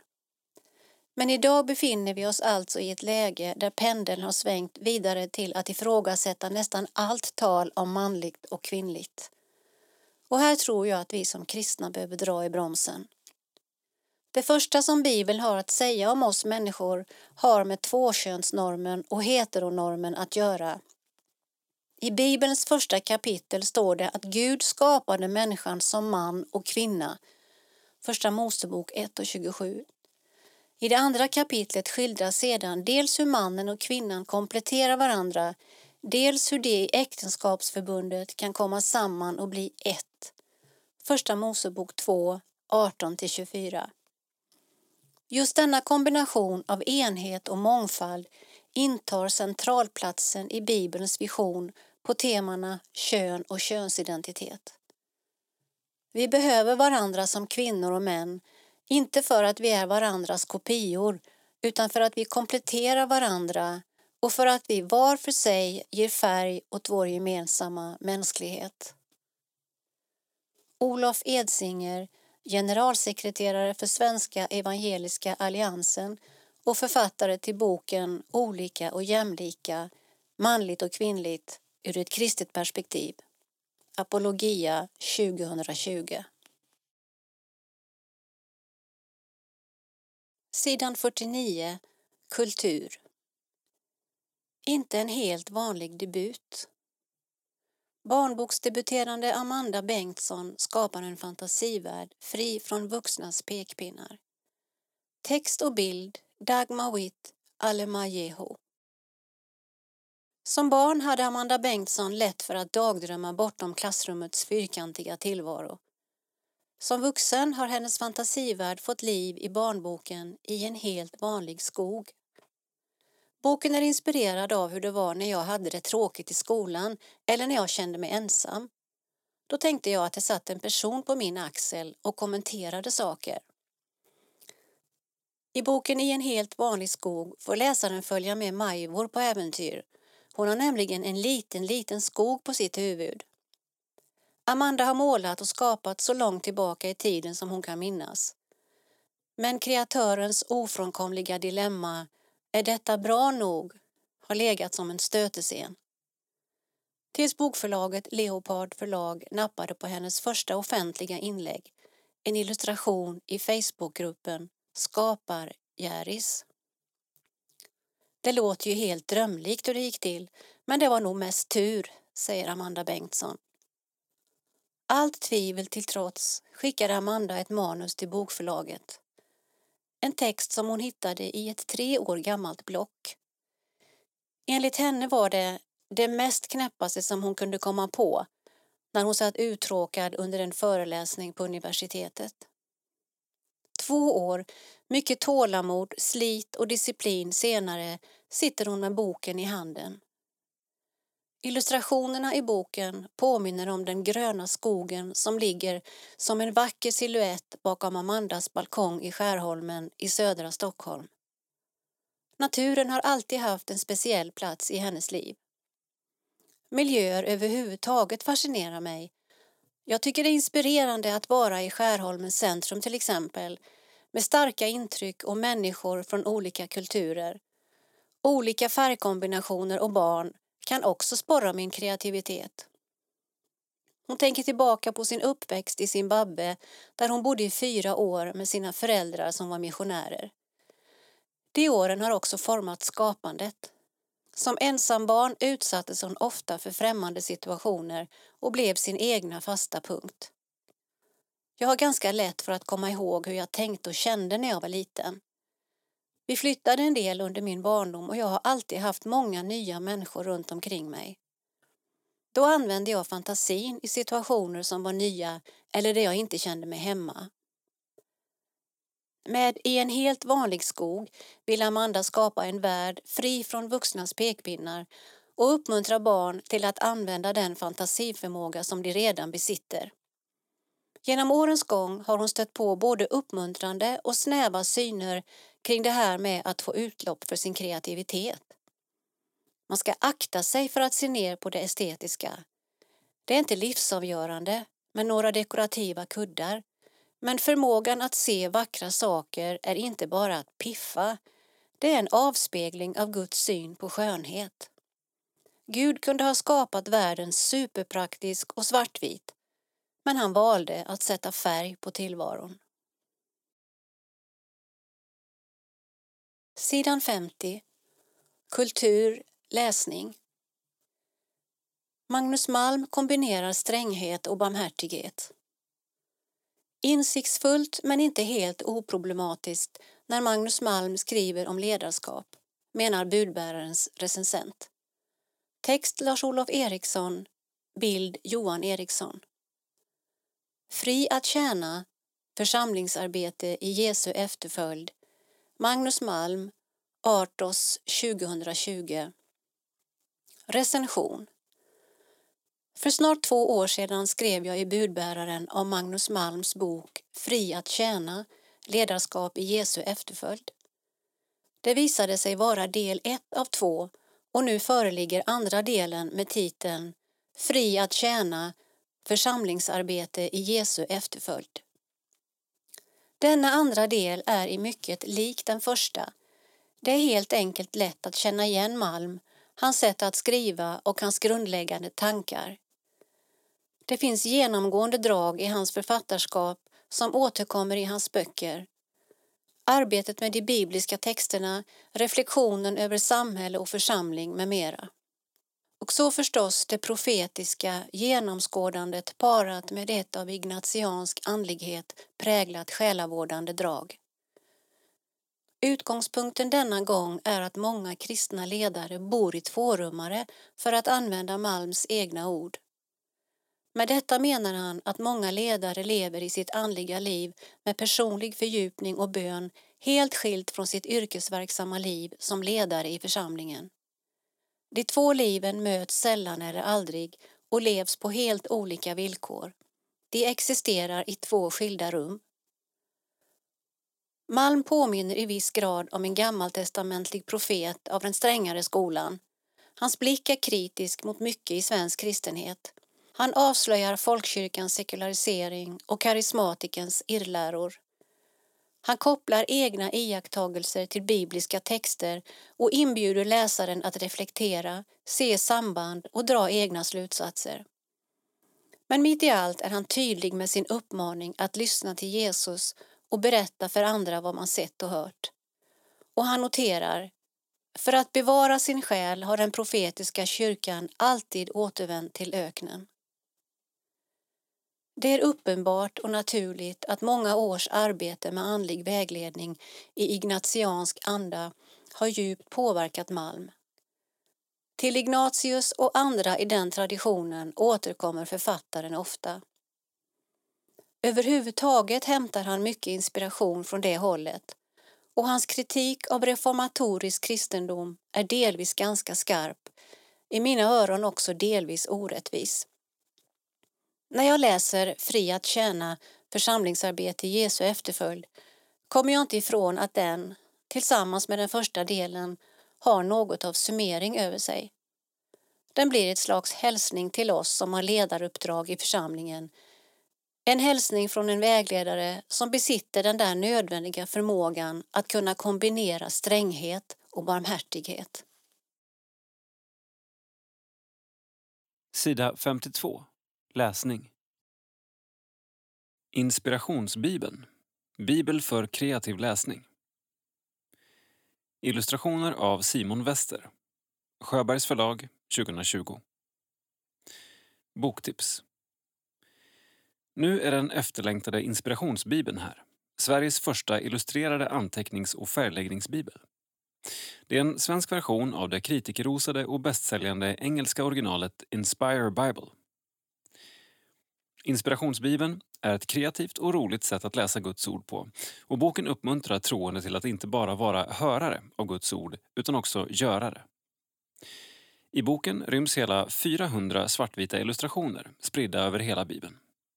Dessa kan antingen målas eller uppskattas precis som de är. Dessutom finns det gott med marginal för att föra anteckningar, reflektioner eller applicering av ordet. Inspirationsbibeln är tillgänglig i Nu-bibelns översättning. Bibelns kvinnor 101 möten med kända och okända systrar. Charlotte Frycklund. Argument förlag 2020. Recension. Charlotte Frycklund är ett för många känt ansikte på Svenska kyrkans digitala plattformar. Hennes yrkestitel är nätpräst, vilket innebär att hon syns på både Instagram och Facebook nästan dagligen. När jag började läsa hennes nya bok Bibelns kvinnor kunde jag knappt lägga ner den när huvudpersonerna trädde fram ur sidorna och blev levandegjorda. Charlotte har skrivit brev till 101 kvinnor som nämns med eller utan namn i Bibeln. Mycket är författarens fantasi som målar en bild av det liv och de känslor som kvinnorna kanske genomlevde. Vem var Delila, hon som förrådde Samson, egentligen? Vad kan hon ha haft för intentioner och underliggande motiv? Kvinnan som smorde Jesu fötter och som fick en utskällning för att hon spenderade så dyr olja, vem var hon? Jag vill citera en del ur texten som jag tycker sammanfattar bokens essens. Så idag tänker jag på dig, du namnlösa kvinna, en av de många som Bibeln innehåller. En av de många som finns runt oss varje dag. Kvinnor som vi inte tar reda på något om, kanske dömer lite i förbigående men sedan inte tänker på. De som har egna ärenden, obegripliga för oss som sitter med våra egna frågor. De försvinner snart ur vårt minne. Ändå säger Jesus, där evangeliet förkunnas ska du inte glömmas bort. Varje brev avslutas med en bön på det tema som Frycklund tycker sig ha hittat i texten. Läsningen sätter igång min fantasi och det är nog författarens intention. Efter att ha läst denna bok känner jag ett starkt systerskap med Bibelns kvinnor som levde, kände, andades, hade åsikter, passioner, intressen, relationer och en gudslängtan precis som vi. Lovisa Fundell Jenny Lind, historien om den svenska näktergalen, är den fängslande berättelsen om en av Sveriges största superstjärnor genom tiderna. Hon föddes för 200 år sedan i Stockholm där hon växte upp under mycket knappa omständigheter men gjorde en otrolig livsresa. Djupt troende var hon inte bara berömd för sin talang utan även för sin givmildhet och dygd vid en tid när begreppet sångerska bar skandalösa övertoner. Boken är skriven av Jennys barnbarns barnbarn, Sarah Jenny Dunsmer och innehåller även ett rikt bildmaterial. Sida 53. Kultur. Psalm. 256. Var inte rädd. Var inte rädd. Det finns ett hemligt tecken. Ett namn som skyddar dig nu när du går. Din ensamhet har stränder in mot ljuset. Var inte rädd. I sanden finns det spår. Han älskar dig. Han väntar dig ikväll. En kväll när du förstår hans hemlöshet och hur han längtar efter dina steg. Från evighet har han stämt möte här. Var inte rädd. Det finns en mörklagd hamn. Du ser den inte nu, men färdas dit. En dag ska du bekänna högt hans namn. Hans kärleksfrid som ingenting begär. Du är på väg. En dag blir natten vit. En dag och stjärnor växer ur hans famn. Var inte rädd, det finns en mörklagd hamn. Du ser den inte nu, men färdas dit. Författaren och poeten Ylva Eggehorn, född 1950, har länge varit en viktig röst i Sveriges kulturliv och kyrkoliv. I unga år blev hon kristen och kom med i Jesusrörelsen, som den kallades.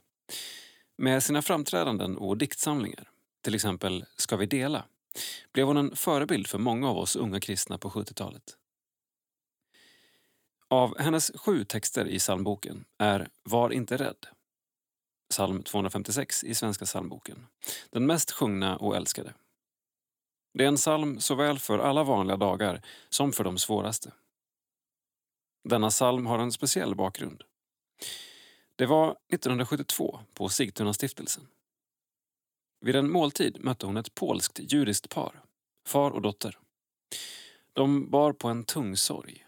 Mamman hade dött under de svåra åren och flickans bror hade sedan varit svårt deprimerad i många år och till sist tagit sitt liv. De skulle resa vidare nästa morgon. På kvällen i sitt rum bad Ylva till Gud om att få en dikt som skulle kunna bli till hjälp för den lilla familjen. Säkert får hon, som andra, oftast mödosamt arbeta fram sina texter. Men denna gång fick hon orden från Gud. Salmens text är väldigt öppen, med bilder som också många som inte är kristna har kunnat ta till sig. Ensamhet, mörker, ljus, någon som längtar efter mig, en hamn att färdas till. Samtidigt är den djupt biblisk, med anslaget Var inte rädd. Det sägs att de orden finns 365 gånger i Bibeln. Kanske är det så, men uppmaningen är ju lika viktig oavsett. Det hemliga tecknet och namnet som skyddar dig går tillbaka ända till Kain i Första Mosebok. Vi kan tänka det som korsets tecken och namnet Jesus. Den följsamma melodin skrevs av Lars Moberg som var kyrkomusiker i Bålänge och även har tonsatt psalm 313 i Svenska psalmboken Min frälsare lever. Drygt 30 år senare kom tsunamikatastrofen i Sydostasien då omkring 225 000 människor miste livet, varav 543 svenskar. De döda kropparna skickades tillbaka till Sverige allt eftersom de identifierades.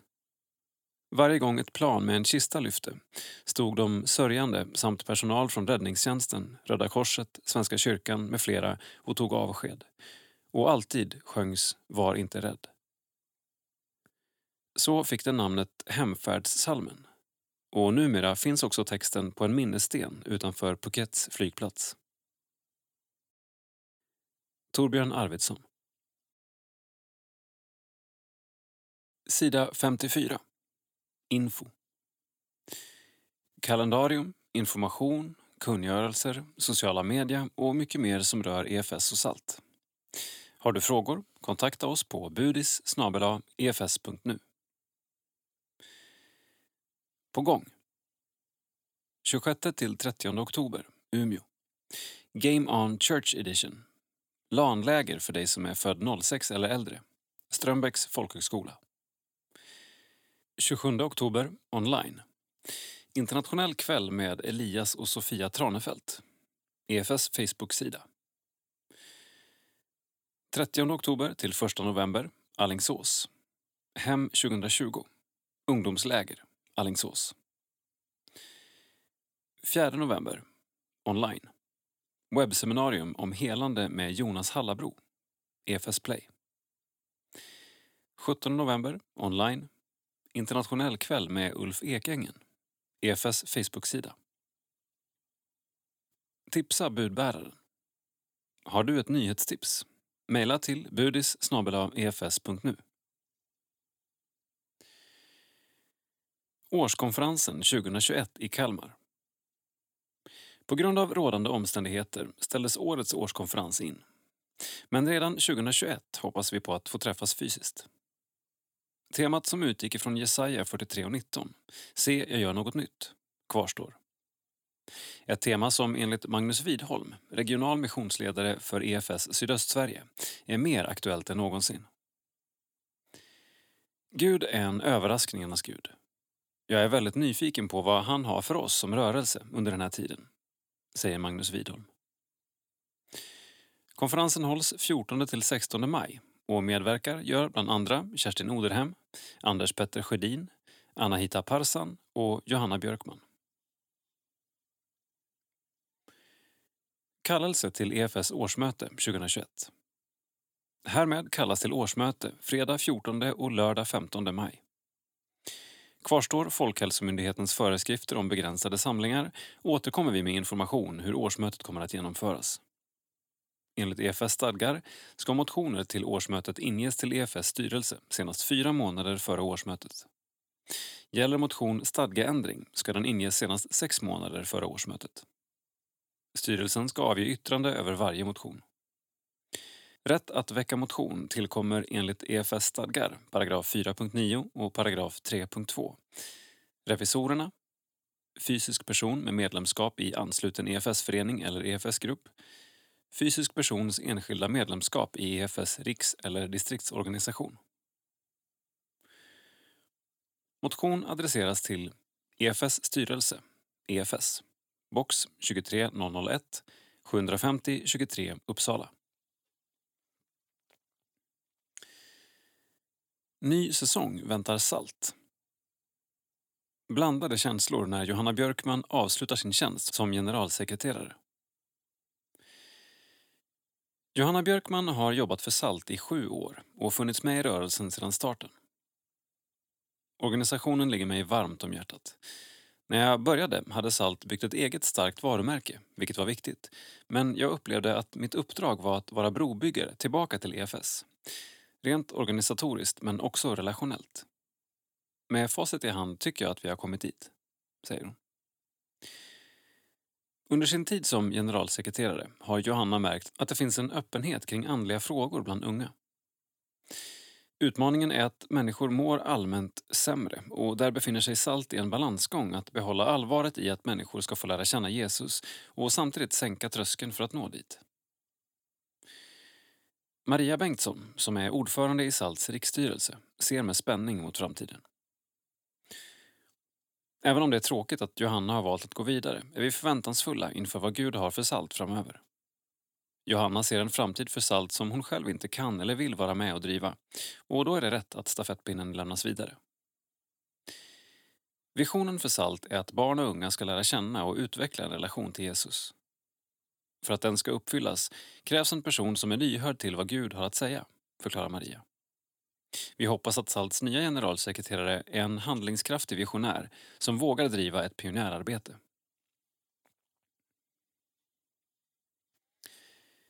Hallå där, Ulf Ekängen, som är på Sverigeturné och berättar om sin tid i Tanzania. Vad har du fått dela? Jag berättar om mitt liv och om sådant som inte har stått i arbetsbeskrivningen men som ändå haft konsekvenser för min tro och mitt privatliv. Det stod till exempel inte att jag skulle arbeta med kvinnorättsfrågor eller att jag skulle skaffa 24 fosterbarn. Vad är syftet med turnén?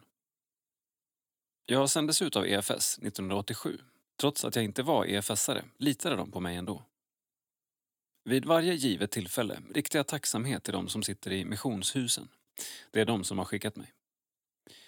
Folk ska få veta vad gåvorna har gått till, annars är det lätt att tappa givartänkandet.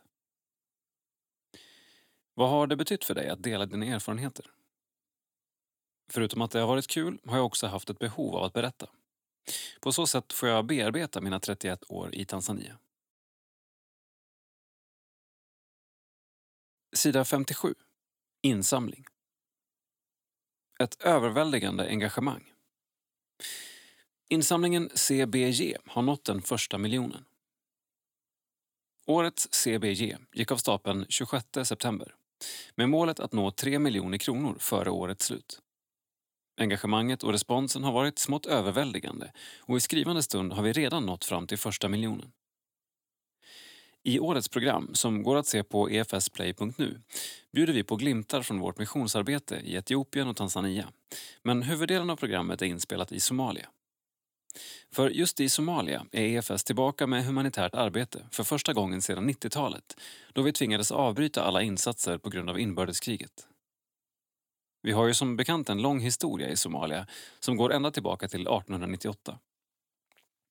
Idag bedriver vi främst vårt humanitära arbete i nära samarbete med den lokala samarbetsorganisationen Varsan. Tre exempel på hur Varsan arbetar i Somalia med stöd från EFS. Barn i svältdrabbade områden får skollunch varje dag. Mobila kliniker i otillgängliga områden med begränsad sjukvård. Akut matdistribution till internflyktingar. Stort tack till alla er engagerade läsare, förebedjare och givare. Tillsammans ser vi hur EFS vision förverkligas i realiteten. Människor och samhällen förvandlade av Jesus. Johan Eriksson, kommunikations och insamlingschef EFS.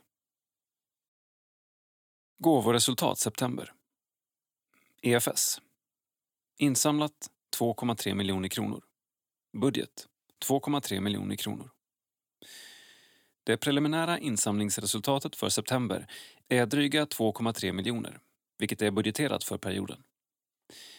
Årets totala insamling uppgår i skrivande stund till 19 miljoner, vilket är drygt 2 miljoner kronor under budget. Insamlat 19 miljoner kronor. Mål 2020 33,3 miljoner kronor. Salt. Insamlat 479 358 kronor. Mål 2020 1 miljon kronor. Insamlingen till SALT fortsätter att ligga under budget. Tillsammans bär vi SALT och når ut till barn och unga med knäppta händer och generöst öppna plånböcker. Hur mycket har du möjlighet att ge? Sida 58. Bial. Svar om hopp. Vasud hade kommit till skolbyggnaden för att få lunch. Han har ju bara något år kvar tills han själv börjar skolan och behöver mat för att växa. Hans pappa hade sökt sig till skuggan av Varsans bil som kommit fullastad med medicin till mobila kliniken den här heta måndagen. Nyfiket tittade Vasud på dockan i min famn, sträckte sig fram för att ta henne in till sig. Han hade så mycket att säga om Haki, om människor som gick förbi. Inte brydde han sig om att han inte fick svar på somaliska. Men kanske han fick svar i tid. En kärleksfull blick och allt det goda som Varsan kom med den här måndagen. Sofia Svensson, inspiratör för Bial och EFS internationella mission. Salam. Nu vill jag berätta för er om en spännande resa som jag har gjort. Förresten, du och jag kanske inte har mötts? Jag heter Haki och är Bials resedocka. Mitt namn är swahili och betyder rättighet. Och jag reser runt i världen för att berätta om att barn i alla länder har lika rättigheter. Jag har varit i Somalia.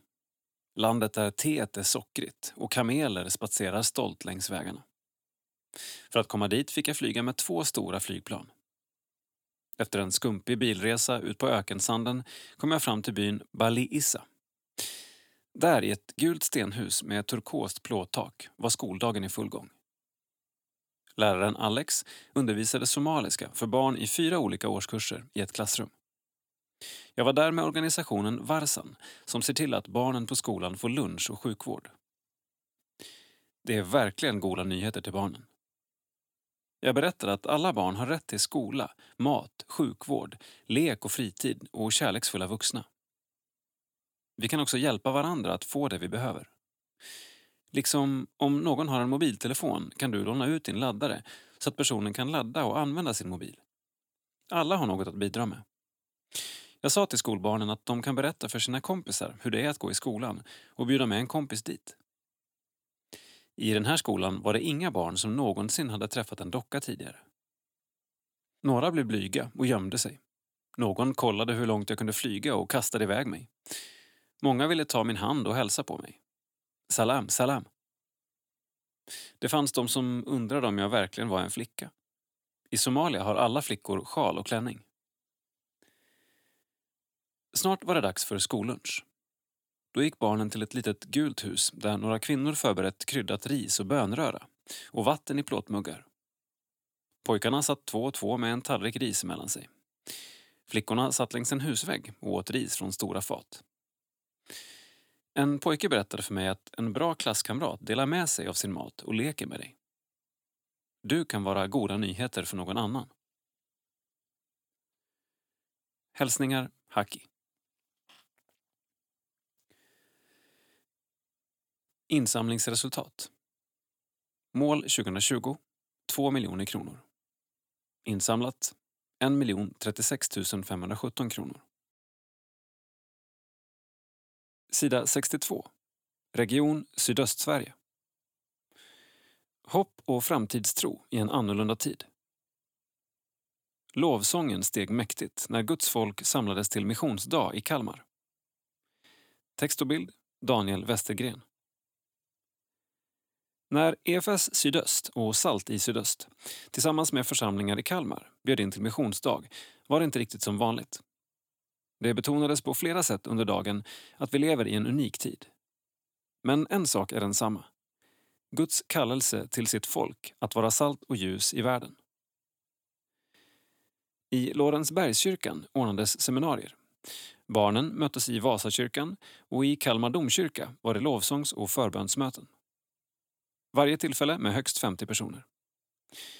På kvällen syntes många också på Kalmars gator med dans och outreach. Vi är överväldigade av Kalmars gensvar. Människor kom till tro och många som varit kristna länge fick förvandlande gudsmöten. Det känns fantastiskt att vi i EFS får ta initiativet till att samla Guds folk. Det behövs i en tid som denna. säger Magnus Widholm, regional missionsledare för EFS Sydöst, som ansvarade för dagen tillsammans med Lukas Mellergård, SALT i Sydöst. Även om Sebastian Staxet fick sent förhinder präglades dagen av hopp och framtidstro. Cornelia Forsberg, medgrundare av väckelserörelsen Hope for this Nation och Johannes Börjesson delade starka vittnesbörd om vad som händer med människor när vårt land blir helig mark. Ja, ni ser hur exalterade vi är över vad Gud gör, för vårt land, i den här tiden. Vi lever i en tid när Gud väcker sin församling, en levande Gud som är verksam idag. Sa Cornelia Forsberg, som också fick förmedla Guds personliga tilltal till många under ett av lovsångsmötena. Inspiratörerna inom oasrörelsen, Berit Simonsson och blixtinkallade Hans Weissbrott, predikade under flera gudstjänster i domkyrkan. Alfa-inspiratören och EFS-prästen Marie-Louise Nilsson ställde frågan om vad vi gör som kyrka när världen lider och skakas om. Står vi upp och är ljus? Eller sitter vi ner och är allmänt dunkla? Vi behöver restaurera kyrkans identitet. Vi är kallade ut till en värld som hungrar och törstar.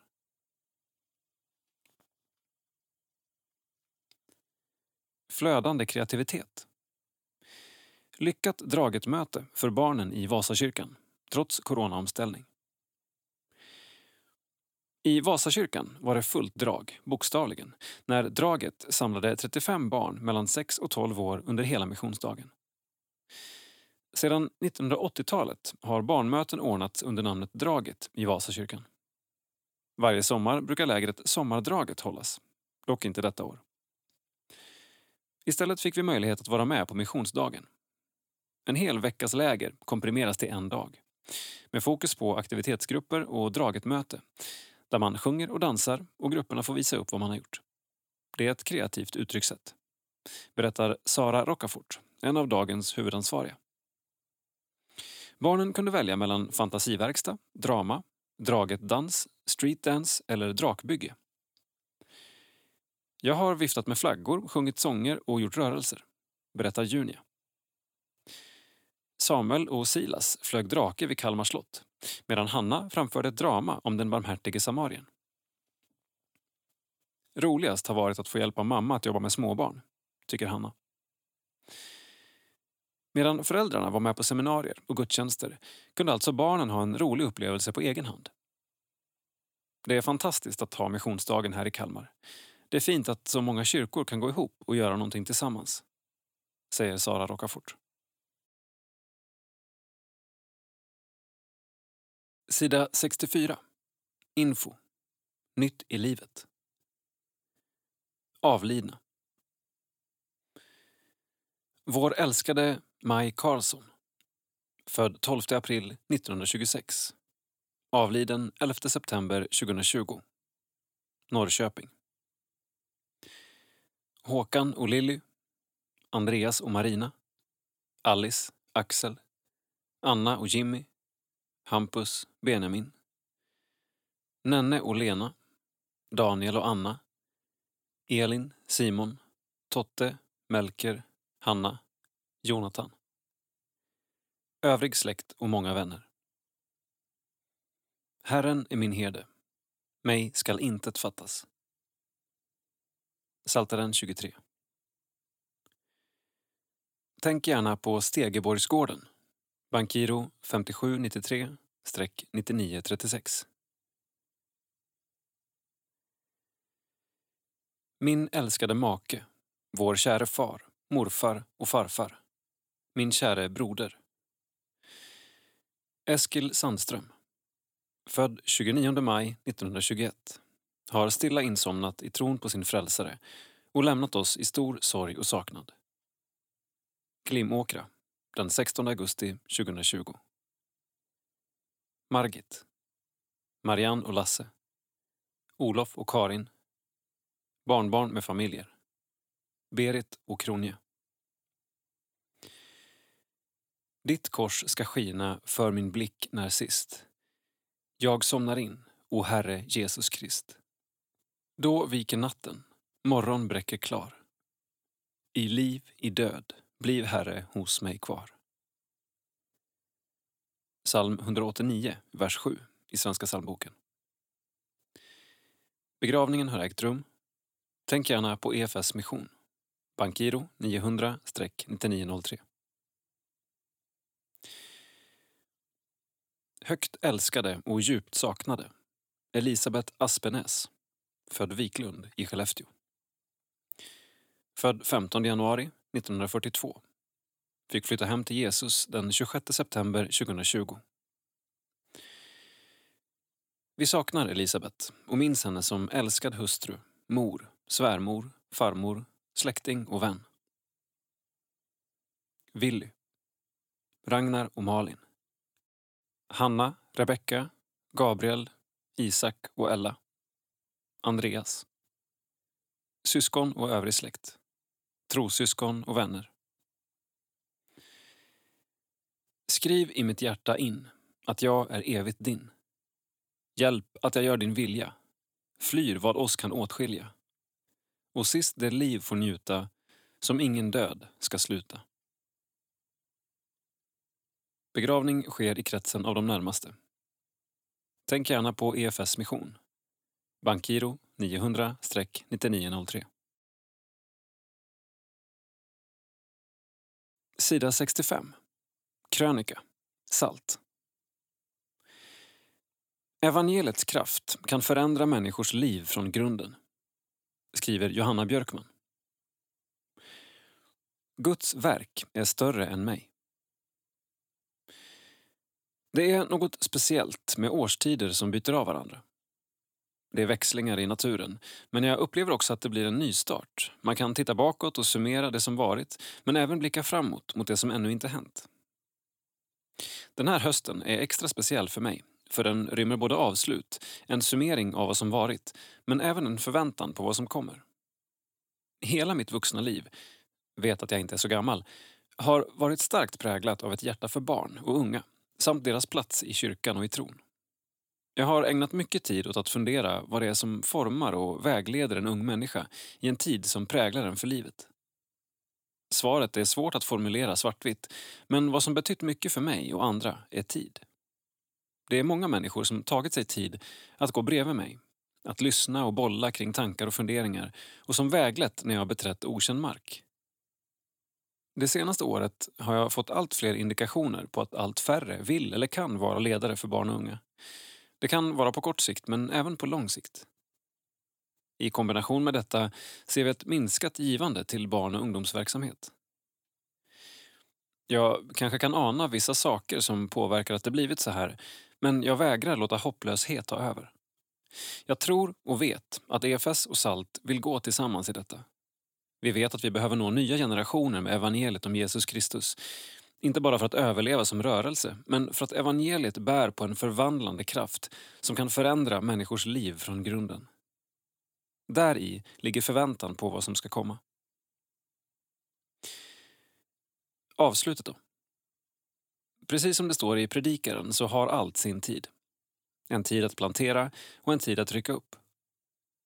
Jag har under året som gått upplevt att Gud talat om en ny tid eller säsong. Både för mig som person, men även för Salt. Jag har under åren på Salt hela tiden upplevt en tydlig kallelse till uppdraget. Men nu upplever jag att kallelsen är uppfylld. Därför vill jag, i kombination med förändrade familjebehov, vara hörsam för att min tid på Salt har kommit till sin ände. Jag har löpt min del av sträckan och närmar mig nu tidpunkten då jag ska få lämna över stafettpinnen. I Predikaren står det fortsatt allt vad Gud har gjort är skönt i rätta stunden. Han låter människor urskilja ett sammanhang, men aldrig kan de fatta Guds verk från början till slut. Guds plan för barn och unga är större än vi förstår. Jag har fått ana ett sammanhang under den stund jag fått stå i tjänst, men Guds verk är större än så, större än mig. Vad blir nästa steg för mig då? Gud får visa mig vägen. Men det jag redan nu vet är att jag i slutet av januari blir mamma igen. Johanna Björkman, avgående generalsekreterare, SALT. Tack för att du har lyssnat.